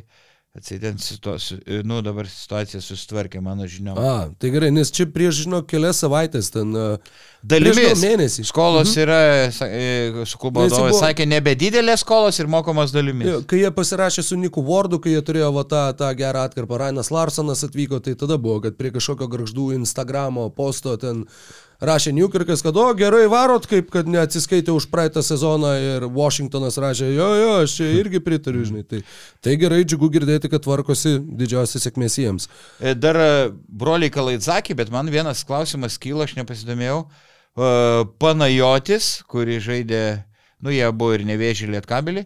Jorijos Ne. nežaidė lietkabelį. E, e, Ne, tai pana, Panajotis jo lietkabelį e, dabar yra Panatinai, o, o kur Jorgijos, aš kažkada googlinau niekur. Jisai, man atrodo, buvo sezono pradžioj e, Panatinaiko sudėti, bet po to nusitraukė sutartį ir nebežinau, ką jis. Tai jis dabar nieko, aš neradau, kur... kur... Last played for Panatinaikos, tai jo, kol Taip, kas, ir kol kas tiesiog... e, toks talentas ne- nejaugi išnyks.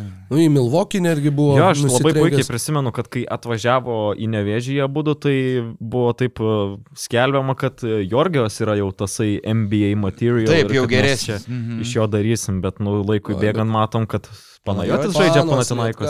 Mm, Jo, pan, panas Lietkabelė, tai fantastika tikrai. Šiais metais e, Kalaitsakis Panajotis Graikijos lygoje žaidžia po 13 minučių, renka po 8 taškus. Nu, ten kai tokia konkurencija. Eurolygoje epizodiškai kartais pasirodo, iš tų, ką žaidėm jau minėjom, kurie praeitą e, sezoną migra iš Garždų į Prienus, Dželinas Vašingtonas, Aizija Nu, Osborna. tai- E, Ne, kas- nelabai net, žinai, galima rimtai skaičiuoti. Nu, Benas galima- Medžinas žaidė Panevežė Lietkabelį ir Vilniaus rytę, vėliau žaidė Kralis Haimo Merlins ir Pietryčių Melburno Phoenix, dabar yra Sidnėjaus Comets mėgėjų klubo a, irgi vadovas. E, taip pat dar turim Adamas Lapeta, beje, pernai pasirašė kontraktą Taivano lygoj su Taiwan Leopards, bet kovo 5 buvo atleistas dėl patirtos traumos, o šiais metais jis vis dar žaidžia krepšinį. Jis žaidžia už Oho. Stargrados poinę ir Lenkų lygoje renka po 3 taškus ir 4 kamuolius. Mhm. E, Simas Sandervenė žaidė keliuose klubuose, dabar turi kontraktą su Burgoso San Pablo, bet nėra šiam sezone sužaidęs ne vienų. Tai rungtynių. čia antra lyga jau Ispanijos, jie iškritom. Berots, kad taip. Ir uh, dar tik tai vienas pakankamai įdomi istorija Steve'o Woodbury, kadangi jis e, 2-3 pažaidė už rytą, sezoną praleido Golygoj ir vėliau 4-5 baigė karjerą žaisdamas Švedijoje. 6-12 dirbo Misūrio universiteto asistentu, vėliau Tulsos universiteto asistentu, nuo 14 iki 20 dirbo Wake Foresto universiteto vyriausio trenerio asistentu, dirbo su vyriausiu treneriu Danny Manningu, kuris buvo 8-8 biržos pirmas šaukimas NBA lygoje, bet 2-20 tas štabas buvo atleistas ir tada Steve'as Woodbury, ką padarė, man labai patiko, nes, nu, toks pakankamai, pakankamai įdomi istorija. Jis pradėjo tiesiog stebėti koledžų krepšinį, rašyti pats savo uh, skautingo, žodžiu, re reportažus, skautingo apžvalgas ir siūsti jas NBA klubom. Tiesiog visiems išėlės. Ir tokiu būdu 2021 tapo Minnesotos Timberwolves skautų, kur tiesiog klubas paskaitė ir sakė, "Ei, jis gerai varo ir jį pasisamdė. Tai toks įdomus pats savęs, žinai, įsiūlymas klubui, kad tu dirbi savo darbą, jį siunti nemokamai, kol kažkas užsikabins ir sakys, mes norim tau mokėti už tai, O. ką, ką tu duodi mums. Reiks nemokamai." pabandyti, kai atleis iš komentavimo kažką. Nu, galėsi paskautinti restoranus gal kokius, Naktinius klubus. naktinius klubus, Tailandė. Naktinės Ai, Filipinuose, bibliotekas. atsiprašau, Filipinai. O Trentą Pleis tada minėjom, ne? Mi- Aš minėjau. Paminėjo Vaidas dviem žodžiais. Žalgi, žal, žalgirį, bet paskui e, kreivė nuvedė į Neptūną. Taip, dabar jis jau yra baigęs karjerą. Tai ką, gal ir mes baigiam jau mūsų podcastėlį? Manau, kad taip, Elvaro Friedrichsono jau, kad nepaminėsim, tai niekas per daug, manau, ne, nenusimins. Taip, gerai, ačiū Vaidai, ačiū Rokai, buvo Ačiū, labai Lukai. maloni laida. Sustiksim už savaitės. Visą. Fantastiškas buvo podkastas. Tarė Vaidas krapštydamas nosį. Laimingai. Ačiū, kad žiūrėjai šį podcastą. Paspausk like, taip bus pamatys dar daugiau žmonių, arba prenumeruok kanalą ir gausi informaciją iš karto. Nuo dar daugiau turinio BN ⁇. e.